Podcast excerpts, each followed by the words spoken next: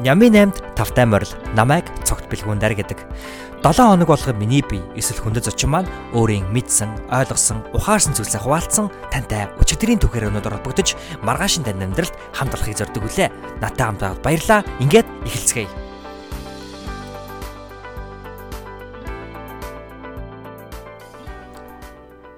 Хагас цуудах дугаараа бид илүү амьд, илүү олуула хамтдаа бүтээх гэж оролцсон маань энэ дугаарт 11 үлээ ээлж тараатайгаар ярилцах, нэг нэгэнтэй үнтэй зөвлөгөөгч сонин хачнаа хуваалцах боломжийг олгосон юм. Unlock podcast-ийн хамтран хөтлөгч Бат наримдал Nagyах Франц улсын Бордо хотноос суралцж буй бид бүхний сайн мэдэх Франц Ананд буюу Ананд Роны Америк нэгдсэн улсын засгийн газрын Fulbright тэмдэглэхээр Houston их сургууль буюу University of Houston суралцж буй оюундар Монголын үндэсний радио телевизэн сэтгүүлч инхчин санхүү эдийн засгийн их сургуулийн оюутан анхуулд болон ирээдүйн их үйлсдэнгүүд болсон сурагч Ануужин хулан сарнай мөнгө тунгалаг нартай холбогдсон энэхүү дугаарыг таньда өргөн барьж байна. За энэхүү дугаарын хөтлөгчийг миний биеэс гадна манай подкастын хамтран хөтлөгч тайвна яг энэхүү дугаарыг бол хамтран хөтлсөн байгаа. За Монголын шилдэг ном дүгнэгч ах маань өсвөр үе залуус юу гэж захив? Ямар номыг заавал уншвал зохино гэж онцлов. Дуу чимээ шуун шуум цуглуулдаг сонирхолтой хоббитой болж буй сэтгүүлч бүсгүй алдаа цуглуулахыг урайлсан урайлга. Өөрийгөө бусдаас айж жилгүүгээр илэрхийлэх тэмдэглэл хэрхэн хөдлөх, хизээ хөдлөх, яаж хөдлөх гэд олон сэдвийг хүндсэн энэ хүү дугаарыг би та бүхэндээ хүргэж байна. Энэхүү дугаарыг бид бүхэн 9 дугаар сар өндөрлөж 10 дугаар сар эхлэх тэрхүү алтан босго үедэр шууд байдлаар буюу Facebook live-ыг ашиглан хамгийн анхны магадгүй Facebook радио тэрхүү одоо байдлаар та бүхэнд хүргэсэн байгаа. Миний ингээд бодож байхад эргээ харахад манай Skeleton podcast бол Монголын подкастууд дундаас магадгүй хамгийн их олон зүйл туршиж үздэг подкаст байж болох юм. Ягаад гэвэл бид бүхэн нэг биш нэлээд олон хөтлөгчтэй подкастыг хийж үтсэн, олон өнцөг болгоноос холбогдсон подкастыг хийж үтсэн, биеэр уулзаж хийж үтсэн, амьдараа подкастыг хамгийн анх удаа Монголд подкастн дээр суурилсан үйл ажиллагааг хийж үтсэн. За түүнээс гадна годомжинд явж байгаа хүмүүсээс юм уу тийм ээ ярилцлага аваад маргад маань тийм бас подкастыг хийсэн. За тэгээ бид бүхэн ийхүү хамгийн анхны Facebook live радио подкастыг бас хийж үзлээ. Иймэрхүү байдлуудаар Сэхэтэн подкаст маань маш олон олон өөр өөр арга замуудаар туршиж үзэж шинийг хийхийг оролдож хичээж байна. За энэхүү дугаар бол яг одоо түүхийгээрээ гэдэг юм уу. Засаж янзлаагүйгээр бол 2 цаг хагасын хугацаанд үргэлжилсэн ийм дугаар болсон. А бид бүхэн сүүлийн сая энэхүү дугаар маань шууд бичигдсэн цаг үеэс хойш бол өөрсөндөө олдож байгаа боломжтой цагуудаараа засаж янзалсаар энэхүү дугаараа бол маш богинохон хэмжээтэй бол болгосон байгаа. Тэгэхээр танд хамгийн хүнцэн үг гол нь таны цаг хугацааг сонсож байгаа тэрхүү цаг хугацааг нь өрөхгүй танд хэрэггүй зүйл яриасан тэр хэсгүүдээ бүгдийг нь хасаад хамгийн хүнцэн нөгөх хэсгүүдийг нь нийлүүлээд гаргасан ийм дугаар байгаамаа. За тэгээд энэхүү гайхалтай дугаараараа би та бүхэнтэйгээ бид та бүхэнтэйгээ манай 11 та бүхэнтэй уулзах гэж байгаадаа маш их баяртай байна. Тэгээ хэдүүлээ энэхүү гайхалтай хагас зовдох дугаар руу үсэрцгээе.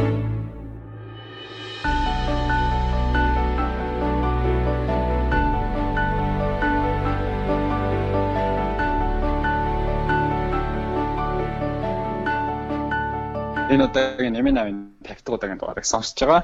Бүх сонсогч нартай одон бэлгүүний дэн ороо мэнд хүргэе. Яа баярлаа. За өстой гоё.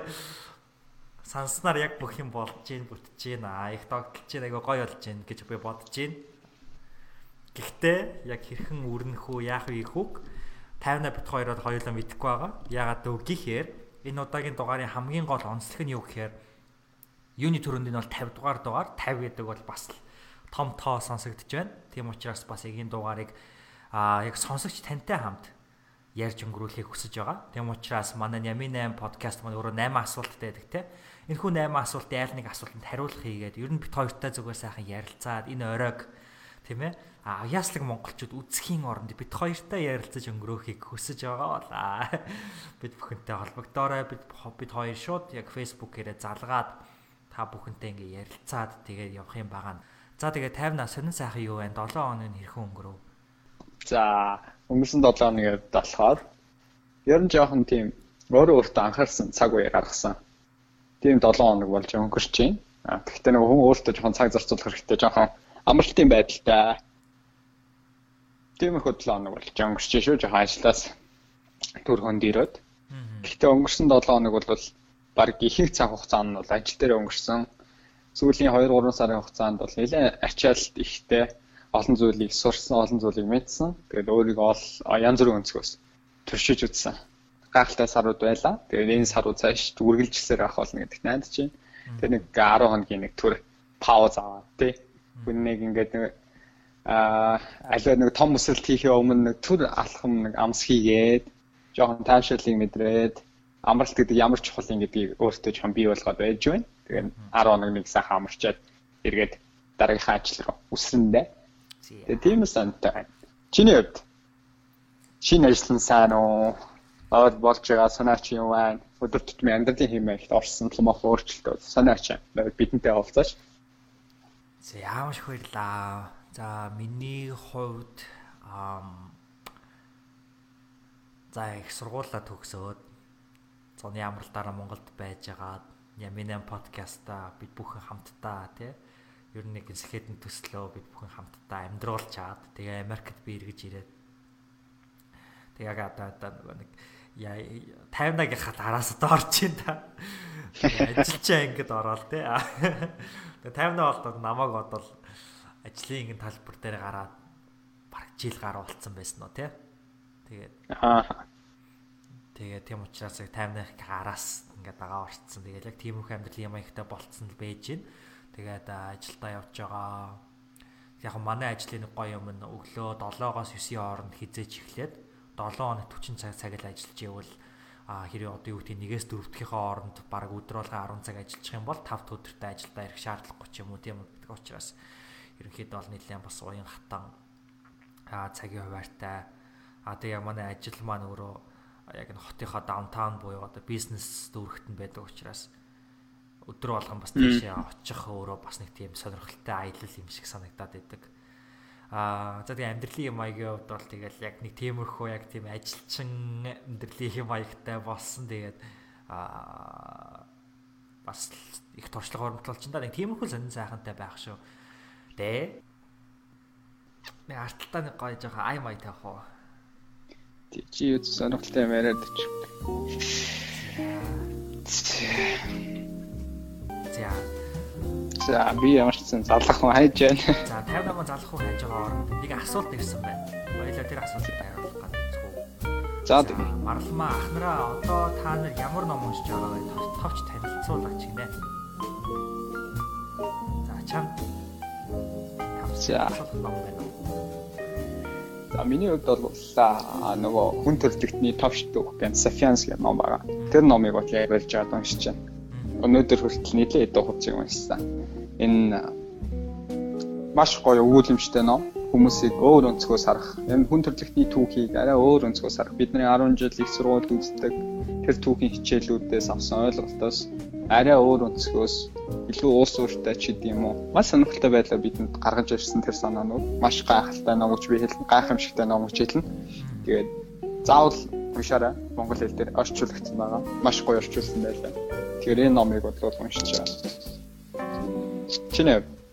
За энэ номыг уншиж байгаа гэснээс аа нэг манай найзуудад нэг ийм юм байд юм байна гэж би бодогдсон тавина. Тэр нь юу гэхээр бид нар ингээд ямар нэгэн ном уншмаар бүр үнэхээр санагдахаараа баг өөртөө авч зүгүүлж уншихаас илүүтэйгээр тэр уншмаар агаад номоо яс аваад найздаа өгчдөг юм шиг.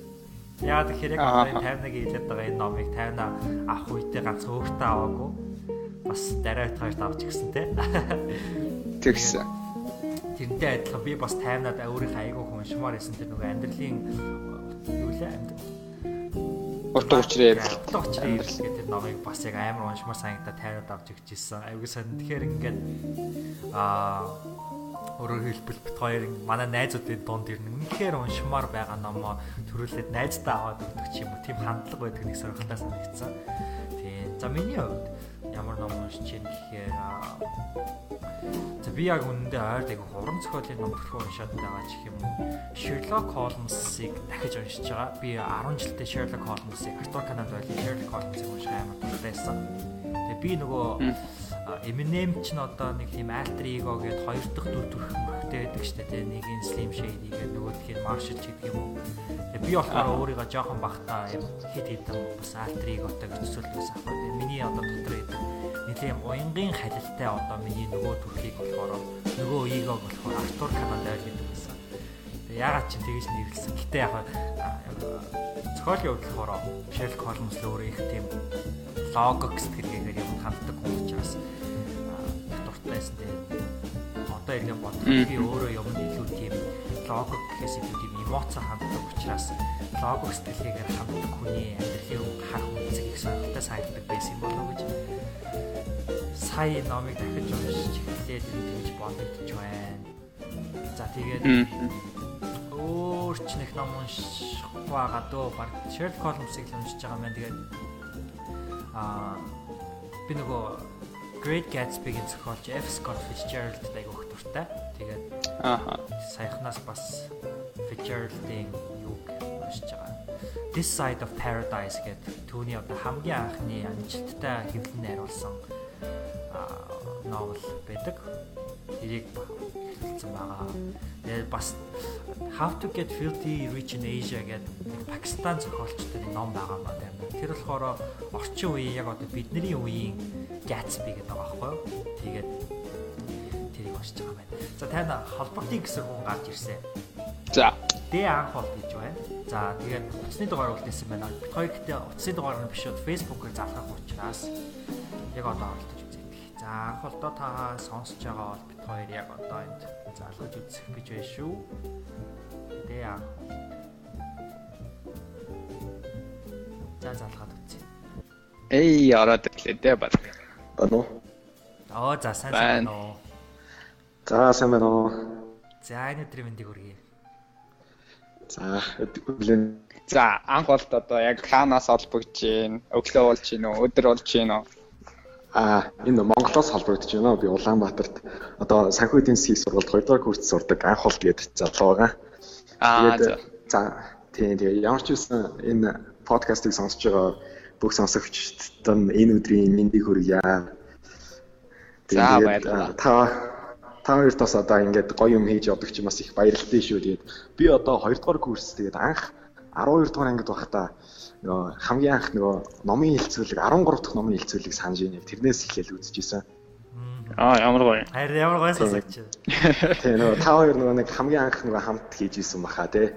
Тэгээд яг хоёулаа нэг нь нөгөө амжилтыг бүтээгээд ном жилөө тэгэл нөгөө Дэл Карнегийн номны тухай бас яриад тэрийг бүр айгүй тод ингээд санаж тэгээд тэрнээс хойш ер нь энэ Нямын 8 тэгээд энэ номын хэлцүүлгийг ингээд тасралтгүй бараг үзсэн. Тэгээд айгүй их хэрэгтэй сонсох юм байдаг. Тэгээд дандаа бас энэ гоё мэдээллүүдийг залуучуудаа хөргөдөхд бас их баярлалтай шүү гэгээд бас нийт бусад сонсогчдийнхээ өмнөөс бас хэлмээр байна. За маш их баярлалаа. Ядтай сонсогч байна. Айгүй гоё сонсогч байна. 10 төгс хангаас эхлээд одоо 2 дахь курс хүртэл сонссон гэхээр ямар удаан болцсон юм бэ бүх зүйл. Харин тий саяхан л нэг намын хэлцүүлэг гэж гарч ирсэн санагч юм тий. Тэгээд цогт билгүүн дээр ахаа бас би нөгөө чат чи Америкт сурах талаар бас асууж ирсэн. Тэгээд бас айгүй гоё өдөөс хариулж өгөөд ингээд зөвлөгөө өгөөд бас тэнд нь бас их баярлж ийсэн. За маш их баярлалаа. Тий. За анхуултын 7 хоног хэрхэн өнгөрөв таа? За би одоо яг манай одоо шалгалтын 7 хоног гээл тэгэл яг шалгалтуудаа бэлдэж бэлдэх маягаар л яг цагийн 7 хоног маань өнгөрлөө. Тэгээд ер нь яг би нөгөө бас нэг их ном уншдгоо тэгээд яг өнгөрсөн 7 хоногоос эхлээд яг ном уншдаг болъё гэд бодсон байж байгаа. Тэгээд яг амар ажлын өдрүүдээр чадахгүй байж байгаа. Энэ хагас бүтэнсээ өдрөл яг өнөөдөр юуг уншаад Бодо Шофер гэд хүний нөгөө а санхүүгийн эрхчлэлд хүрэх зам гэдэг номыг уншаад яг их хэлж байгаа. Тэгээд тийм маягаар л ерөнхийдөө өнгөрч байна. Зя. Одоо тэгвэл хоёулаа яг нөгөө оролцож байгаа зочин болгоноос яг нөгөө үндсэн бидүгтийн 8 асуулт байдаг. Сүүлийн нэг асуулт нь бол нууц асуулт байдаг. Тэр энэ асуултаас нэг нэг асуултыг асууад явъя гэж бодлогдсон байна тийм. Тэгэхээр аа анхаагаасаа нэг асуултыг бидний яг үндсэн асуултуудаас нэг асуултыг асууя гэж бодож байна. За өнгөрсөн 7 хоног чи бол ямар ч нэг номыг а энэ амралтын өдрүүдээр эхлүүлсэн байгаа юм. Тэгвэл өнгөрсөн 7 хоног чамд хамгийн ихээр нөлөөлсөн За кино байж болно, үтсэн кино байж болно, найз нөхдөдөө уулзаа, найз нөхдөс чинь хэлсэн үг байж болно. А багш ч юм байж болно, хичээл дээрээс ч юм уу. Хамгийн их нөлөөлөлд үзүүлсэн ямар нэгэн хүчин зүйл болно. Хүн байж болно. Тэр зүйлээ бидэнтэй хуваалцааш, тэр түүхээ биднэртэй яг одоо хуваалцаад өгсмээр байна. Аха, за. Өнгөрсөн 7 хоногийн үед гэх юм бол одоо юу яасан? Яг удаан уулзаагүй. За, дахиад тасарчих шиг боллоо. Тийм байна. Анхаа юм аа сүлжээн жоохон муах шиг байна тий. Ог нь янзтай түүх болгочихсон байх та. Одоо бол н радио дээр яг тасархаар нөгөө дуугаа жоохон өсөлтөө штэ. Би одоо одоо ингэж дээд айдон бичлэгээ. Тэ. Яг ингэдэг штэ тэ. За за. Манай анхаа манай гараа авчлаа ханастай. Гэтэ наги ах нэг орж ирсэн шүү сая. Орж ирээ буцаа гараа авчихсан шүү. Чи нэг биш. Чи нэг бичээд үзгөө. Бэнэ? Оо байна. Аа, сайн байна уу? Аа, сонсч сонсч. За, орой минь. Орой минь та бүхэнд бас энийг сонсож байгаа хүмүүсээс орой минь дүргий. За, маш их баярлалаа. За, юуны төрөнд аа бас бидэртэй холбогдъё гэсэн мэдээж хэрэг маш их баярлалаа. За, та бүхэнд бас баярлалаа. За, намайг Ануучин гэдэг. Би одоо Мовисын байгаль хэлхцээ сургуульд сурдаг байгаа. Тэгээд одоо яг ингээ би подкаст баг подкаст Нямын 8-ыг подкаст болохоос өмнө бол одоо блог хэлбэрээр нь хахад сонсч байсан. Тэгээ тийм ч учраас одоо 14, 12-ны 9, 10 гэсэн одоо вершн дээр явж байгаа. Та бас ойлгох бах. Аа. Аа яа яа яа. Тэгээ ерөнхийдөө бол а багасаа гэх юм уу ерөнхийдөө баг 2 жилийн өмнөөс бол одоо номтой номын хилцүүлгийг бол сонсоод тэгээ бас нөө сэхэтэн ах ах иш дүүсийн холбоонд бол бас байсан. Аа. Тэг. За ах ороод ирэх шиг бодлоо. Яа, за За сайн байцгаана залуусаа. Оо сайн байна уу та? За орой мэд. Орой минь хэрэгээ. Тэгээд аналог подкастыг бас сонсдог. За За. За, наги ах ороод ирсэн учраас подкаст нэг тайлбар авчи те. Яг одоо манай фид дээр дөрвөн хүн холбогдсон байна. Нэг нь болохоор хоёр нь болохоор 58-д 2 манай Skate подкастын хоёр хөтлөгч. Тэгээ Ануужингээс сонсогч маань холбогдсон байна. За мөн бүхэн сайн мэд Монгол шилдэг аналог подкастын хамтран хөтлөгч Наги ах маань холбогдсон байна. Бид бүхэн яг одоо Ямин подкастын 50 дугаар дугаарыг шууд байдлаар өргөж үзэж байгаа байхгүй юу? Тэгээд бидний урилгыг хүлээж авсан маш баярлалаа Наги ах. За за за урилгыг нь ямар ч гэсэн 2 2 минутын л өмнө хүлээж авсан байна. Тэгэхээр амьд явна гэж би код харна гэж хэлж байгаа юм байна. За за. За за наги ах яг бас энэ өдрийн мэндийг хүргэе. Тэгээд та нар юу ярьж тэр ярийн дундуур чи би үсгээл орё дээ. Тий. Яг нь битэрийн энэ 5 дахь удаагийн дугаарын гол онцлог нь болохоор яг сонсогч нараас болсон гинт нэг хүмүүс рүү гинтийн байдлаар залгаад тэгээд яг тогтмол асуудаг 8 үндсэн асуулт байдаг. Тэрхүү асуултуудаас тухайн оны өнгөрсөн 7 хоногийн хэм маягийн тухай асуугаад явж байгаа. Яг ийм тийм сэдв гэдэг зүйлийг бол одоохондоо барьж яваагүй. Тэгээд нагийн ахын хувьд өнгөрсөн 7 хоногийн хувьд онцлог зүйл нь юу вэ? Таны өнгөрсөн 7 хоногийнхаа тухай тавчхан биднэрт яриасаа гэж хүсэж байна. Аа өнгөрсөн 7 хоног ялгаа юм байгаа юм л та. Аа та та нар болохоор хүмүүстэй ярилцаад орд нь хийжсэн бүтээжсэн тэр хүмүүсийнхаа түүхийг нь яриулж өгдөг. А тэгэхээр манай подкаст болохоор ном уншичаад яг номоо ярьдаг болохоор нэг өөр өөрсдөө ярьдаг болохоор надад чинь жоохон тулгамдсан асуулт байна. Тэгэхээр бидний хувьд болохоор яах юм айгу ойлгомжтой тийм номоо уншицсан ноутоо бичсэн тийм. Тэгэхээр тэгэхээр ийм ярьдаг болохоор айгу шинэлэг байна. За нөгөө талаараа бас жоохон хэцүү байна. За за яг тэгэхээр миний хувьд болохоор би саяхан бас ажилд орсон болохоор ажилдаа амар завгүй. Тэгэл ерөөсөө ажилдаа ажилтаагаа зурлцаар мэдсээр байгаа л тэгэл өнгөрсөн 7 хоног нэг мэдгэд өнгөрцөн байна. Тэгээд орсон болохоор ч тэр хагасаа бүтэн сэнгүй байгаа. Аа айгу удаа сууж байгаа. Сууж байгаа болохоор уучлаарай энэ хажуугаар дуудлага орж ирээд жоохон буцаачих шүү. Аа тийм болохоор жоохон завгүй завгүй бай. Аа энэ тэгээд тэгсэн чинь хажуугаар нөгөө зав зав гаргаж ном уншихгүй уушиж чадахгүй байгаад жоохон бухимдах маягтай л байх шиг байна л да. Гэхдээ явандаа тэгээд учир нь болтох үз. Нөгөө хүмүүс чинь би болохоор нөгөө өөртөө өөртөө цаг гаргаж тэ өөрөө одоо хоббидоо ном уншдаг байхгүй. Тэгсэн чинь тэр зав жоохон багасаад ирэнгүүт жоохон амьдралын хэв маяг өөрчлөлт огч байгаа юм шиг. Тиймэрхүү сэтгэл төрчлээ л да. За манай Ануучингийн хувьд 7 хоног нь хэрхэн өнгөрч байна? За ерөнхийдөө энэ 7 хоног бол аа ер нь хичээлээ игээд ерөнхийдөө нэг өнгөрсөнтэй бол адилхан а гэхдээ бас мэдээж өөрийгөө хөгжүүлэх талаар бас нэг жоохон яг нэг одоо Ями 8-ыг бас сонсдог болохоор яг тэр талаар нь бас жоохон өөртөө тусгаад бас өөрийгөө хөгжүүлэх жоохон алхмуудыг бол авсан байгаа. Аа. За Тэгээ хоёрын сонсогчоос хоёр зочноос оочлаа. Асуухыг асуух ёстой асуулт нь надад юу юм санагдаад тах юм. Тайна юу гэж бодож байна? Аа онцлог контент юм шиг санагдаад байна. Яалтчгүй аа подкаст маань өөрөө анлог подкаст нь өөрөө номын тухай подкаст учраас бид бүхэн сонирхол бол Наги ах яг одоо ямар ном уншиж байна вэ? Подкастнда ярихаас гадна өөр ном та бас уншдаг уу? Уншин л та уншин уншин. Гэтэ болж өгвөл тэрийг параллелээр подкастн дээр бас өөрсдөө мэдээж бид ном сонгохдоо өөрсдөө таалагддаг номоо уншихгүй бол тэ хэцүү шүү дээ.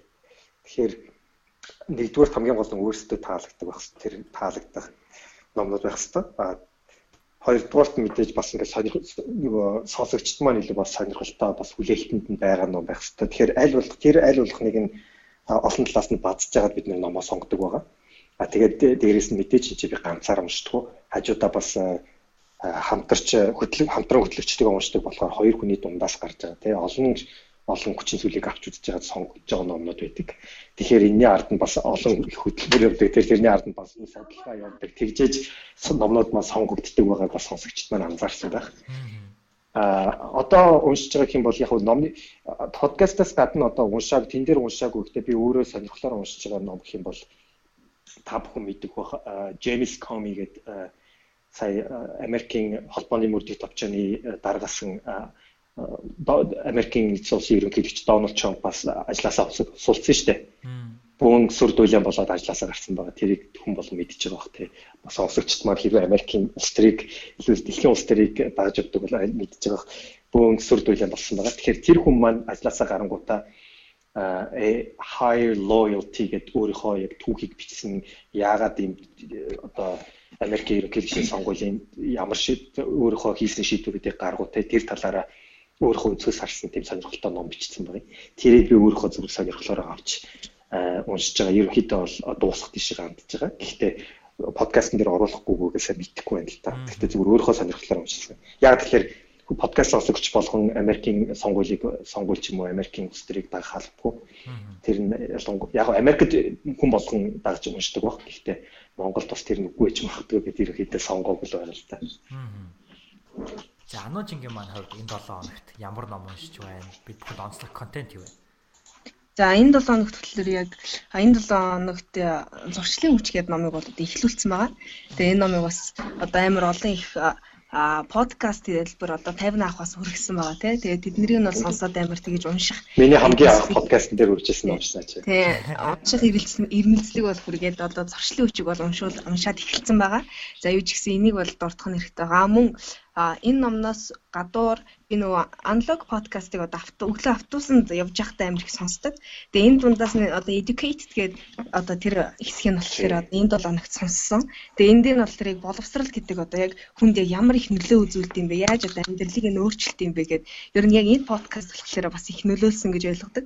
Одоо ингээл зүгээр хичээлээ ингээл хичээл хийх урам зориг улам их одоо өгүүлдэг гэх юм уу да. Аа тэгээд мөн өөр одоо контент талаасаа гэвэл би нөгөө Bloomberg телевизийн аа сайт сайт сайтны юу вэ? За нэрийг нь сайн сандгүй. Гэтэ нөгөө сайтны сая долларын нууц гэх одоо сая долларын суутан гэх нэвтрүүлгийг бас онцломоор байна. За энэ дээр нь болохоор зүгээр л игэл жирийн яг ингээд жирийн хүмүүс одоо ингээд ямарваа нэгэн шин санаа болоод сая долларын санаа болоод тэрийг ингээд хэрэгжүүлэх одоо тэр үйл явц бол яаж тэр санаагаа олсон гэх мэт зүйлсүүдийг бол одоо үзүүлс үзүүлдэг тийм нэвтрүүлэг байгаа. Тэгээ тэр нэвтрүүлгийг бас онцломоор байна. Одоо тэр санаа нь ингээд ингээд байж боломгүй тэгсэн мөртлөө хүмүүст бүр маш хэрэгцээтэй санаанууд байсан.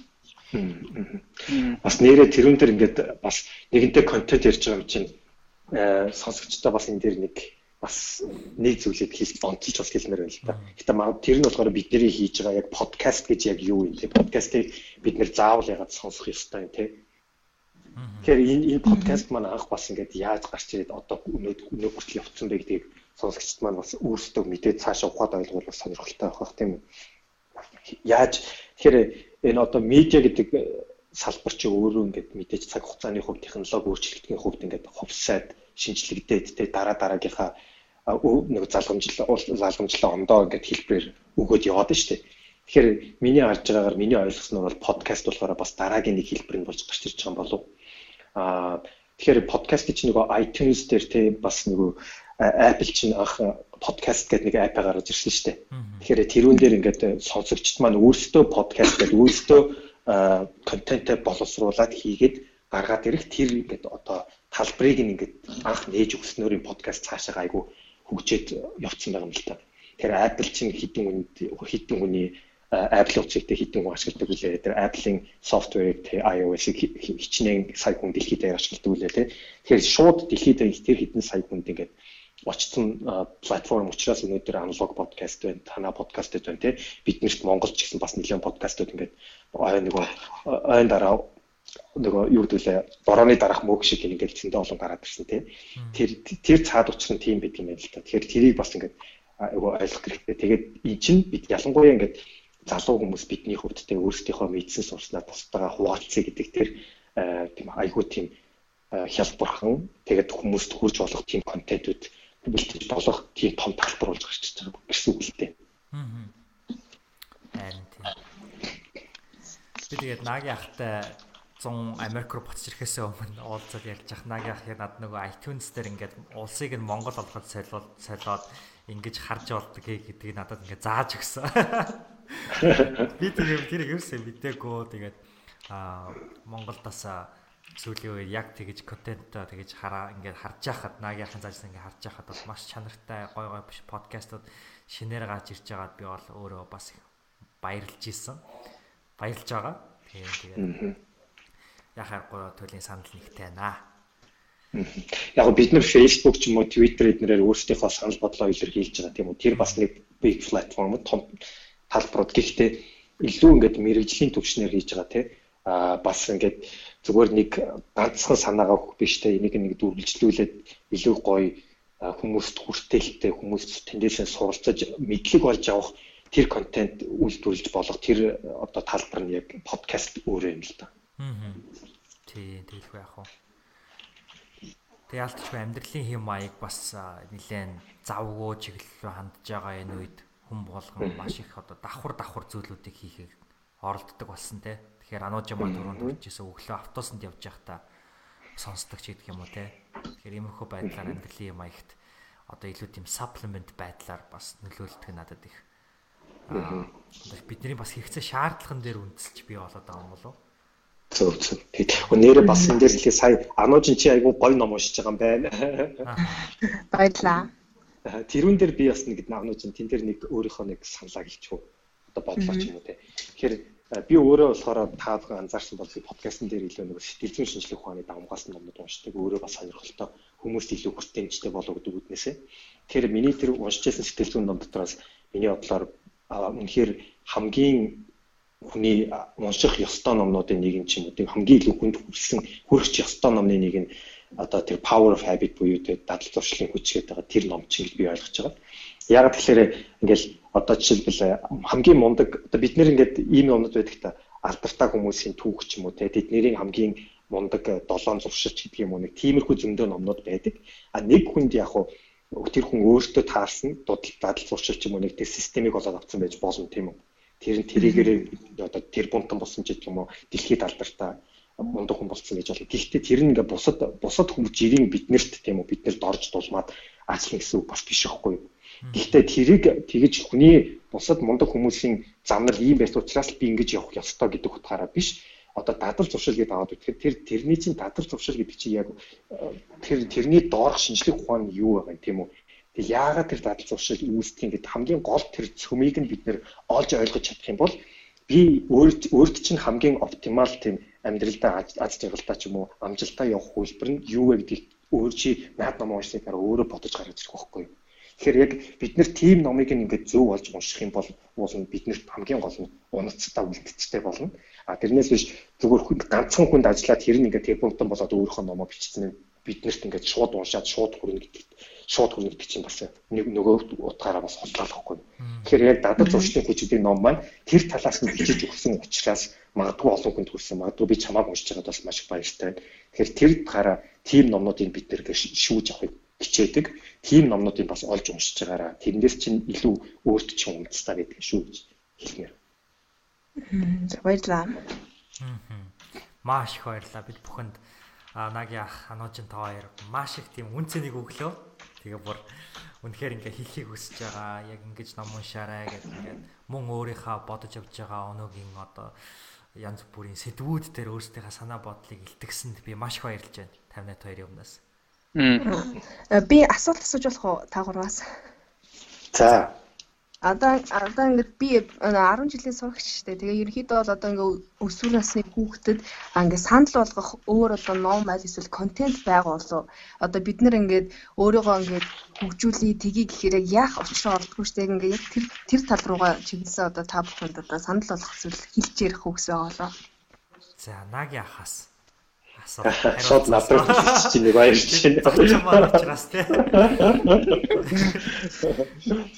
Тэгэхээр ануужин чи 10 жилийн хүүхдээ бас энэ ийм номнуудыг уншаад ингээд энэ контентуудыг чи өөрөө ингээд мэдээд Bloomberg хүртэл үзээ явж байгаа гэдэг чинь надад бол аюулгүй импрессив санагдаж байна л та. Би 10 жил байхдаа бол Bloomberg-ийг телевиз мэддэг ч үү те тэр үед подкаст хийж байдгүй англи хэлний номж уншаад ойлгохгүй тийм байсан. Тэгэхээр өнөөгийн нийгэмд бол миний харж байгаа бол яг та нарын үе бол магадгүй ингээд бусад дэлхийд гарч ирсэн та нарын одоо одоо 20 наснуудын үеуд биш үү тийм одоо 17 8 тийм үеийнээс хамгийн мэдээлэл ихтэй хамгийн боловсралтай үе гэж ойлгож бол болно шүү. Тэгэхээр тэгэхээр чи жишээлбэл ингээд чиний явж байгаа одоо мэдээлэл авж байгаа сууг одоо ингээд асууж байгаа асуултууд чинь жишээлбэл бусад үетэй харьцуулах юм бол магадгүй 5 10 жилийн өмнө явж байгаа байхгүй. Тэгэхээр тэр чинийгээрээ бас мэдээж их мэдээллийг авч сайн суралцж байгаараа тий. Тэгэхээр хамгийн гол нь мэдээлэл авах авъя гэх юм бол интернетээр ухаад ч юм уу тэгээд мэдээлэл хаанаас авъя гэж хаас айгу зөндөө олон зүйлүүд юм тийм үү. Тэгэхээр гэхдээ одоо та бүхэнд мэдээлэл олдохгүй гэдэг нь биш хамгийн гол нь яг зөв оновчтой суугаасаа яаж мэдээлэл авах вэ? Яг зөв мэдээлэл авах вэ гэдэг чинь өөрсдөө асуудал байхгүй. Ягаад гэх юм бол мэдээлэл бол хангалттай их байна тийм үү? Интернетээр интернетээр англи хэлний зүгээр одоо жишээлбэл одоо TOEFL бэлтгэх материал олъё гэх юм бол Google гэх юм бол хар мянган юм байна. Хамгийн гол нь тэрнээс тэр олон мэдээлэл дундаас шүүгээд хамгийн оновчтой өөрт хэрэгтэйгээ алийг нь яаж зөв мэдээлэл нь олж сонгох вэ гэдэг чинь явж явж чамд хамгийн том чаленж буюу хамгийн том сорилтон байх болно. Тэгэхээр наад асуулт чинь биний бодлоор яг тэр үгсээс ирж чинь гэж ойлгож байна л та. Тэгэхээр миний харж байгаа бол чи Bloomberg-ийн тэр Bloomberg айгуу сайн үзчихээ тийм Монголын гэдэг янз бүрийн ялангуяа тийм одоо годомжны яриа ярьсан тэр мэдээлэл өгнүүдээс илүү Bloomberg чамд одоо өөрийгөө хөгжүүлэх чинь мэдлэгээ дэлгэх чинь илүү мэдээлэл олох нь нэгдүгээр. Хоёрдугаар бас Монголын Bloomberg-ээс гадна хэрвээ чад чадна ойлгох юм бол бас Английн Bloomberg ч юм уу BBC-г сайн үзье бас үзээрэй гэж хэлмээр байна. Тэгэх юм бол мэдээж авж байгаа мэдээлэл чинь нэгдүгээр мэрэгжлийн өндөр түвшинд боловсруулагдаад гарсан мэдээллийг чамд гэсэн үг тийм үү? А хоёрдугаарт бас номнууд байна. Тэр номноос л хүн асар их мэдээллийг авдаг. Номыг юу гэж бид нэр харах хэрэгтэй вэ гэх юм бол а амар 300 утас номыг одоо яаж уншнаа гэдэг тийм. Гэтэл 300 утас номыг чи өнөөдөр за бүр 7 хоногийн дотор уншлаа л та. Гэтэл тэр 7 хоногийн дотор тэр номноос авч байгаа мэдээлэл чинь тэр номын зохиогчийн 20 30 жилийн нөр гэдэл хөдөлмөрийн үр дүнгээр бүтсэн бүтээл өгөхгүй. Тэгэхээр тэрийг бол чи маш богино хугацаанд асар их мэдлэгийг олж авч байна гэсэн үгсээс харах харах хэрэгтэй. Тэгэхээр бас мэдээж мэдээж бас ингээ ямар ном уншихаа бас тэг бас өөрөө судлах хэрэгтэй. Тэгэхээр ном бол хүн найз чинь нэг номыг гоё гिचлээ гэж тэрийг шууд унших биш. А чи өөрөө яах ёстой вэ гэх юм бол ном одоо тийм хүмүүсээс одоо санал болгосон номны чигсалтаа гаргаж байгаад 10 10 номны чигсалт гарч ирлээ. За чамд нэг тэрнээс нэг юм уу хоёрыг унших цаг байна. Тэгэх юм бол чи тэр 10 номноос өөрөө интернетээр хайж бас ревюг нь уншиж байгаа тийм үү. Тэр номны талаарх бусад хүмүүсийн санал сэтгэлийг уншиж байгаа. Тэрнээс нь шилжиж байгаа өөртөө чи яг таарсныг нь олж яг өөрийнхөө үнэт цагийг зарж унших хэрэгтэй байна. Аа. Баярлаа. Маш баярлаа. Байна. 58 маань хэлэх асуултанд маань хариулах хариулт байна. За. Ер нь бол нагийн яхтаа нэлээд санал нэгтэй байна. Тэгээ энэ дээр нэмээд би зүгээр өөрөө юу гэхээр миний үед чинь одоо би яг 10 жил гэхээр 7 8 жил өнгөрчихлээ. Яг 10 жилээс хойш яваад. Тэр үед бас интернет гэдэг зүйл төдийл байгаагүй. Яг одоо байгаа одоогийн 10 жилийн сурагч нарын өдөр тутамд авж байгаа тэр мэдээлэл тэр нөөц болцоо тухайн үед надад бол байгаагүй. Тийм болохоор яг зүгээр яг тухайн үеийн нөхцөл байдлаас ингээд хараад хэлэх юм бол би 10 жилээс юу илүүтэйгээр олж авсан бэ гэхээр нөгөө өөртөө итгэх итгэл олон аливаа зүйлд ингээд шантралгүй тууштай яваад хичээл зүтгэлтэй явах юм бол түнд хүрч болно гэдэг тийм итгэлийг өөртөө аль хэдийн бий болгоцсон байсан. Тэр нь магадгүй ингээд оюутан болоод одоо ажлын байран дээр гараад явах энэ цаг мөч мөч болгонд гарчи тэр асуудалтай хандах хандлагын маань сүүлийн суулгаж өгсөн болоо гэж боддог. Тэгэхээр мэдээж чи гайхалтай тэр мэдээллүүдийг авж байгаа англи хэлээр яг миний 10 жилээс бол хэд дахин илүү нөөц бололцоо байгаа хэд дахин илүү чи хөгжөөд явж байгаа гэж бодоод би наг яхтаа санал нэгтэй. Гэхдээ тэрэн дээр чи нэмж нэг зүйлийг хийх хэрэгтэй. Тэр нь юу вэ гэхээр чи спортоор хичээлэх хэрэгтэй. Би 10 жил байхдаа чирээний теннисээр шантраад хичээлдэг байсан. Тэр маань магадгүй нөгөө яг зөв хандлагыг 10 жилийн сурагч байхдаа хүн маш зөв хандлагыг өөртөө бий болгочих юм бол дараа дараагийнхан дээр оюутан сүүл бааз нь болдог юм шиг санагдав. Тийм болохоор спортоор хичээлээрэй гэж хэлмээр байгаа ямар ч анууд нь спортоор хичээл хоёрдугаар хамтын ажиллагаа буюу нөгөө 10 жил байхдаа ямар нэгэн чи а нийгмийн сайн дурын байгууллага байгаа шүү дээ тий. Сурагчдын зөвлөлгээд яг үе тэнгийн залуусаар хамтарч янз бүрийн гайхалтай үйл ажиллагаа байдаг маш олон клубүүд байдаг. Тэр нь нэгдээд хамтаараа ажиллах тийм процессыг аль болох чи сураарай. Яг тэгэхээр үеийн үед багаар ажиллах бол маш том зүйл. Чи ганцаараа маш олон зүйлийг бүтээж чадахгүй. Чи баг хамт олон хажууд чи маш сайн туслах тусаж төших хүмүүс байсны үр дүн чи дээшээгээ тасалдгүй хөгжөө явна. Чиний хүрээллийг бий болгох хэрэгтэй. Тийм болохоор би спортоор хичээл тэр гайхалтай хүрээллийг бий болгоход чи цаг зарцуулаарай л гэдэг зүйл хэлээ. Тэр чи 10 жилийн сурагчтай. Альва зүйл чинь цаг нь ирэхэд чинь бүх зүйл чи болно. Хамаагүй ингээд маш их зүйлийг чи сурах гал би ингээд бизнесийн мэдлэгийг чи авах гал бүх зүйл рүү яг чи ингээд үсчихэж байгаа цаг үйл байгаа. Яг тэр мэдээллийн цаг үеийг ингээд таарчлаа Тэгээд чийж магадгүй тим чим сумрааны ийм чим сумраа ингэж үж магадгүй. Гэхдээ 10 жилийн хүүхэд яг л гоё хүүхдэрээ байгаа. Гэрний томоогүй гоё зүйлүүдийг хийгээрэй л гэж би хэлмээр байна. Тэгээ амар маш яараа. Тийм. За. Баярлаа. Зя, спортер хичээл яг гэд ярьжсэн чинь спортын тамирчин хүн манай ярианд ороод ирлээ. Хэмбэ гэхээр бид бүхний сайн мэдэх манай сонсогч нар их баярлах бах. Франц ананд ороод ирсэн байна. Анандаа сонсож байна уу? Сонсч сайн байцгаана уу? За сайн байна. За сайн байна. За тэгэхээр Ананд ярьж хэлэхээс өмнө би нэг яагаад би одоо ингээд дараагийнхаа ажил руу орох ёстой. Тэгэхээр одоо намайг Ананд replace хийгээд ингээд та нар тав хүн ярилцлага гоё үргэлжлүүлээ яваарай. Тэгээд тэр намайг бас ингэж урьж оруулсанд баярлалаа. Тэгээд яг айгүй том сюрприз байлаа. Сюрприз олсонд маш их баярлалаа. Тэгээд. За ямар ч цаг гаргасан маш их баярлалаа нагийнхаа. За за за за дараа уулзцгаа. За оройг сайхан өнгөрүүлээрэй. За баярлалаа. Баярлаа. За ананд гайхаж байна уу? Юу болоод байна гэд. Би харин дөнгөж сая орж ирэхгүй юу? Ажлаасаа. За. Ажлаасаа яг орж ирээд тэгээ манай гэрийн даалгасан байх гэдэг интернетээ асаасан байхгүй. Тэгсэн яг ийм цаатанд ороод ирсэн. Манай андын хувьд өнгөрсөн 7 хоногийн хувьд ямар хуу 7 хоног болж өнгөрөө. Янзтай 7 хоног байсан гэдэгт итгэлтэй байна. Тэгээ тэр 7 хоногоо тавчхан нийт сонсож байгаа хүмүүстэйгээ хуваалцаач гэж хүсэж байна. Аа за ингээд өнгөрсөн 7 хоногт бол би нэг шин зүйл эхлүүллээ.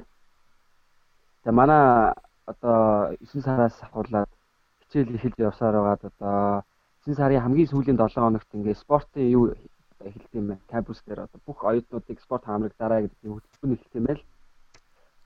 Тэгээд одоо удирдал болгон семестр болгон шинэ спортоор хичээлэх хэрэгтэй гэж одоо зөвлөдөг юм байна. Тэгээ найз нь юугаар хичээлсэн.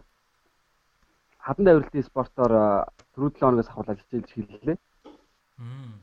Тэгээ шинэ зүйл ингэж ихлүүлсэн байна. Яг хадан давирч гин үү? Ханан давирч гин үү? Ханан давирч. Ханан давирч. Ханан давираад, хаунд наалтаар давираад. Би хадан давих юм болов гэсэн чинь хадан давич авируулаад байна. Хадан хаана наа гэлэг хэсэг баахан гайхаж байна. За. Тэгээд оюутнуудаа 9 сарын сүүлээрээс огтдож аваад юм шинэ оюутнуудаа Тэг гоё арга хэмжээнүүд болт юм байна. Тэгээд тэр болгоныг яг ингээд дамжуулж ингээд Монголд байгаа оюутнууд ч юм яг энд ийм болт юм байна гэдэг дамжуулж бас ерөөсөж чадахгүй байгаа. Тэгээд яг өөрөө л ингээд аваад хүртээд яваад байгаад нэг жоохон гимшиж байгаа. Тэгээд энэ оюутнууд одоо огтх ажиллагаан дээр бол тэрийг зохион байгуулсан байгаа. Аа. 4-7 хоног тэгээ нэг тиймэрхүү болсон байна. Тэгээ энэ ингээд хараа аа аа аа гэ айгүй их тэгж ярьж магадгүй тэрийг айгүй сайн ойлгоорой да. Тэгээд айгүй олон хүмүүс шүүмжлүүлсэн манай гэрийнхэн энд гэдэг Монгол хүмүүс гэдэг хүртэл чи аюу аа гэж ярьдаг болсон байна гэд. Энэ болохоор яг нь Францууд болохоор ингэж ярьдаг байхгүй. Тэгээд яг энийх нь нэг жоохон муу юм ингээд жоохон өөр айтаад байна. Тэрийг хийж магадгүй тэрэн дээр жоохон хүлцэнгүй андараа гэж та хэлсэн юм. Зя. Ойлголоо. Анажаа би өөрт нь нэг саналтай авах гэсэн. Манай подкастыг сонсдığım чинь ямар 8 асуулт гэдгийг мэдэн те. Аа. Тэгэхээр сая хоёр асуултыг асуусан онцлог контент мөн хин хам ямар нөлөөг хүн одоо яаж үзүүлсэн бэ гэдэг. Тэгэхээр андаас маань нөгөө үлдсэн 6 асуултаас нэгийг нь сонгоод асуувал юу авах вэ анажаа? За за жоохон бодоо тий за төр хөдлөж байгаарэ. Аа шинээр би болгож буй дадал зуршил юу гэдэг ямар процессор одоо яаж дадал зуршилахыг хичээж байгаа. Зөв үнээсээ зөв асуулт асуулт. Мм. Аа тэгээс гоё асуулт байна. Тэгээд 2018 онд би яг нэг сарын нэгэнд нэг зорилго тавьсан баггүй. Тэр зорилго маань болохоор би ерөөсөө энэ хөгжилтэй байх гэдэг тийм зан чанарыг хүн бол одоо юу гэдэг энэ Чарльз Дарвины хуулиар одоо эволюцийн хуулиар 2 жил тутамд одоо шинээр ингээд шинжлэгдээд явд юм байна л да хүн. Өөрөө тэгээд хүн зан чанарын хувьд 2 жилийн дараа тийм ээ шал өөр хүн болсон байна. Одоо энэ гэр бүл, найз нөхөд, ажил зүр хийж байгаа юм, юмд хандж байгаа хандлага одоо энэ бүх зүйл нь хүний амьдралын тэр эргэн тойронд байгаа зүйл 2 жилийн дараа ингээд шал өөр болсон байд юм байна л та. Тэгэхээр хүн бол тэр 2 жилийн дараа яг ямар байх вэ гэдгийг ингээ өөрөө яг сонгоод байгаа юм байна. Тэгээ би нэг тест хийж үзээд өөрөө өөрийгөө тестлж үзээгээд 2018 оны одоо 1 сарын 1-нд зорилго тавиад 12 сарын 31 хүртэл одоо энэ зүйлийг хийнэ гэдэг ингээ өөрөө өөртөө амлалцсан. Одоо энэ бол процесс дундаа ингээ явж байгаа. Энэ болохоор юу вэ гэхээр нэг жоохон юм а одоо шогт зан гэх юм уу аль эсвэл жоохон хөвгөлтэй байх гэх юм уу аль эсвэл гэж жоохон нэг тийм сэтгэл хөдлөлийг илүү их одоо ажилуулах сэтгэл хөдлөлийг арай илүү их байлгах гэх юм уу тиймэрхүү зүйлийг хийж байгаа. Тэгээд тэр яг энэ процесс дундаа ингээд явж байгаа. Тэгээд аюу аюу гоё юм нь болохоор сая түрүү жил ингээд түрүүгийн сард болохоор ажил дээрээ байж байгаад тэгээ 2019 оныхоо одоо яг тэр шинэ дадал зуршлыг бас ингээд бодоод олцсон байгаа. Тэгээ тэрэндээ бас би яг эртгэн бэлдээд эхэлж байна. Тэгээ тэрийг бол 19 онд бол тэгээд дуулах бах бэлгүүнээдээ би амжилтлан 50-аад хувьчлаад одоо хэлж өгнө.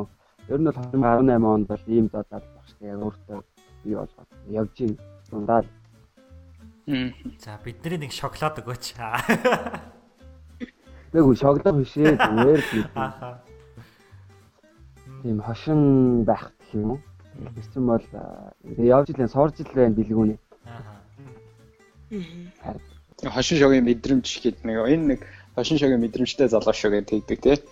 Ер нь гэхдээ энэ чадвар бол ямар ч үед бас хэрэгтэй байх гэж би бодоод л яа тэгэхээр чи бид нар ч одоо өчнөө ажил хэргийн уулзалт хийгээл ингээл ирээдүйд ямар ч ажил хийж болно шүү дээ. Энэ хүн гэдэг чи өөрөө нийгмийн антим чи төрөл төрлийн хүмүүстэй уулзсан шүү дээ ямар ч нөхцөл байдал те.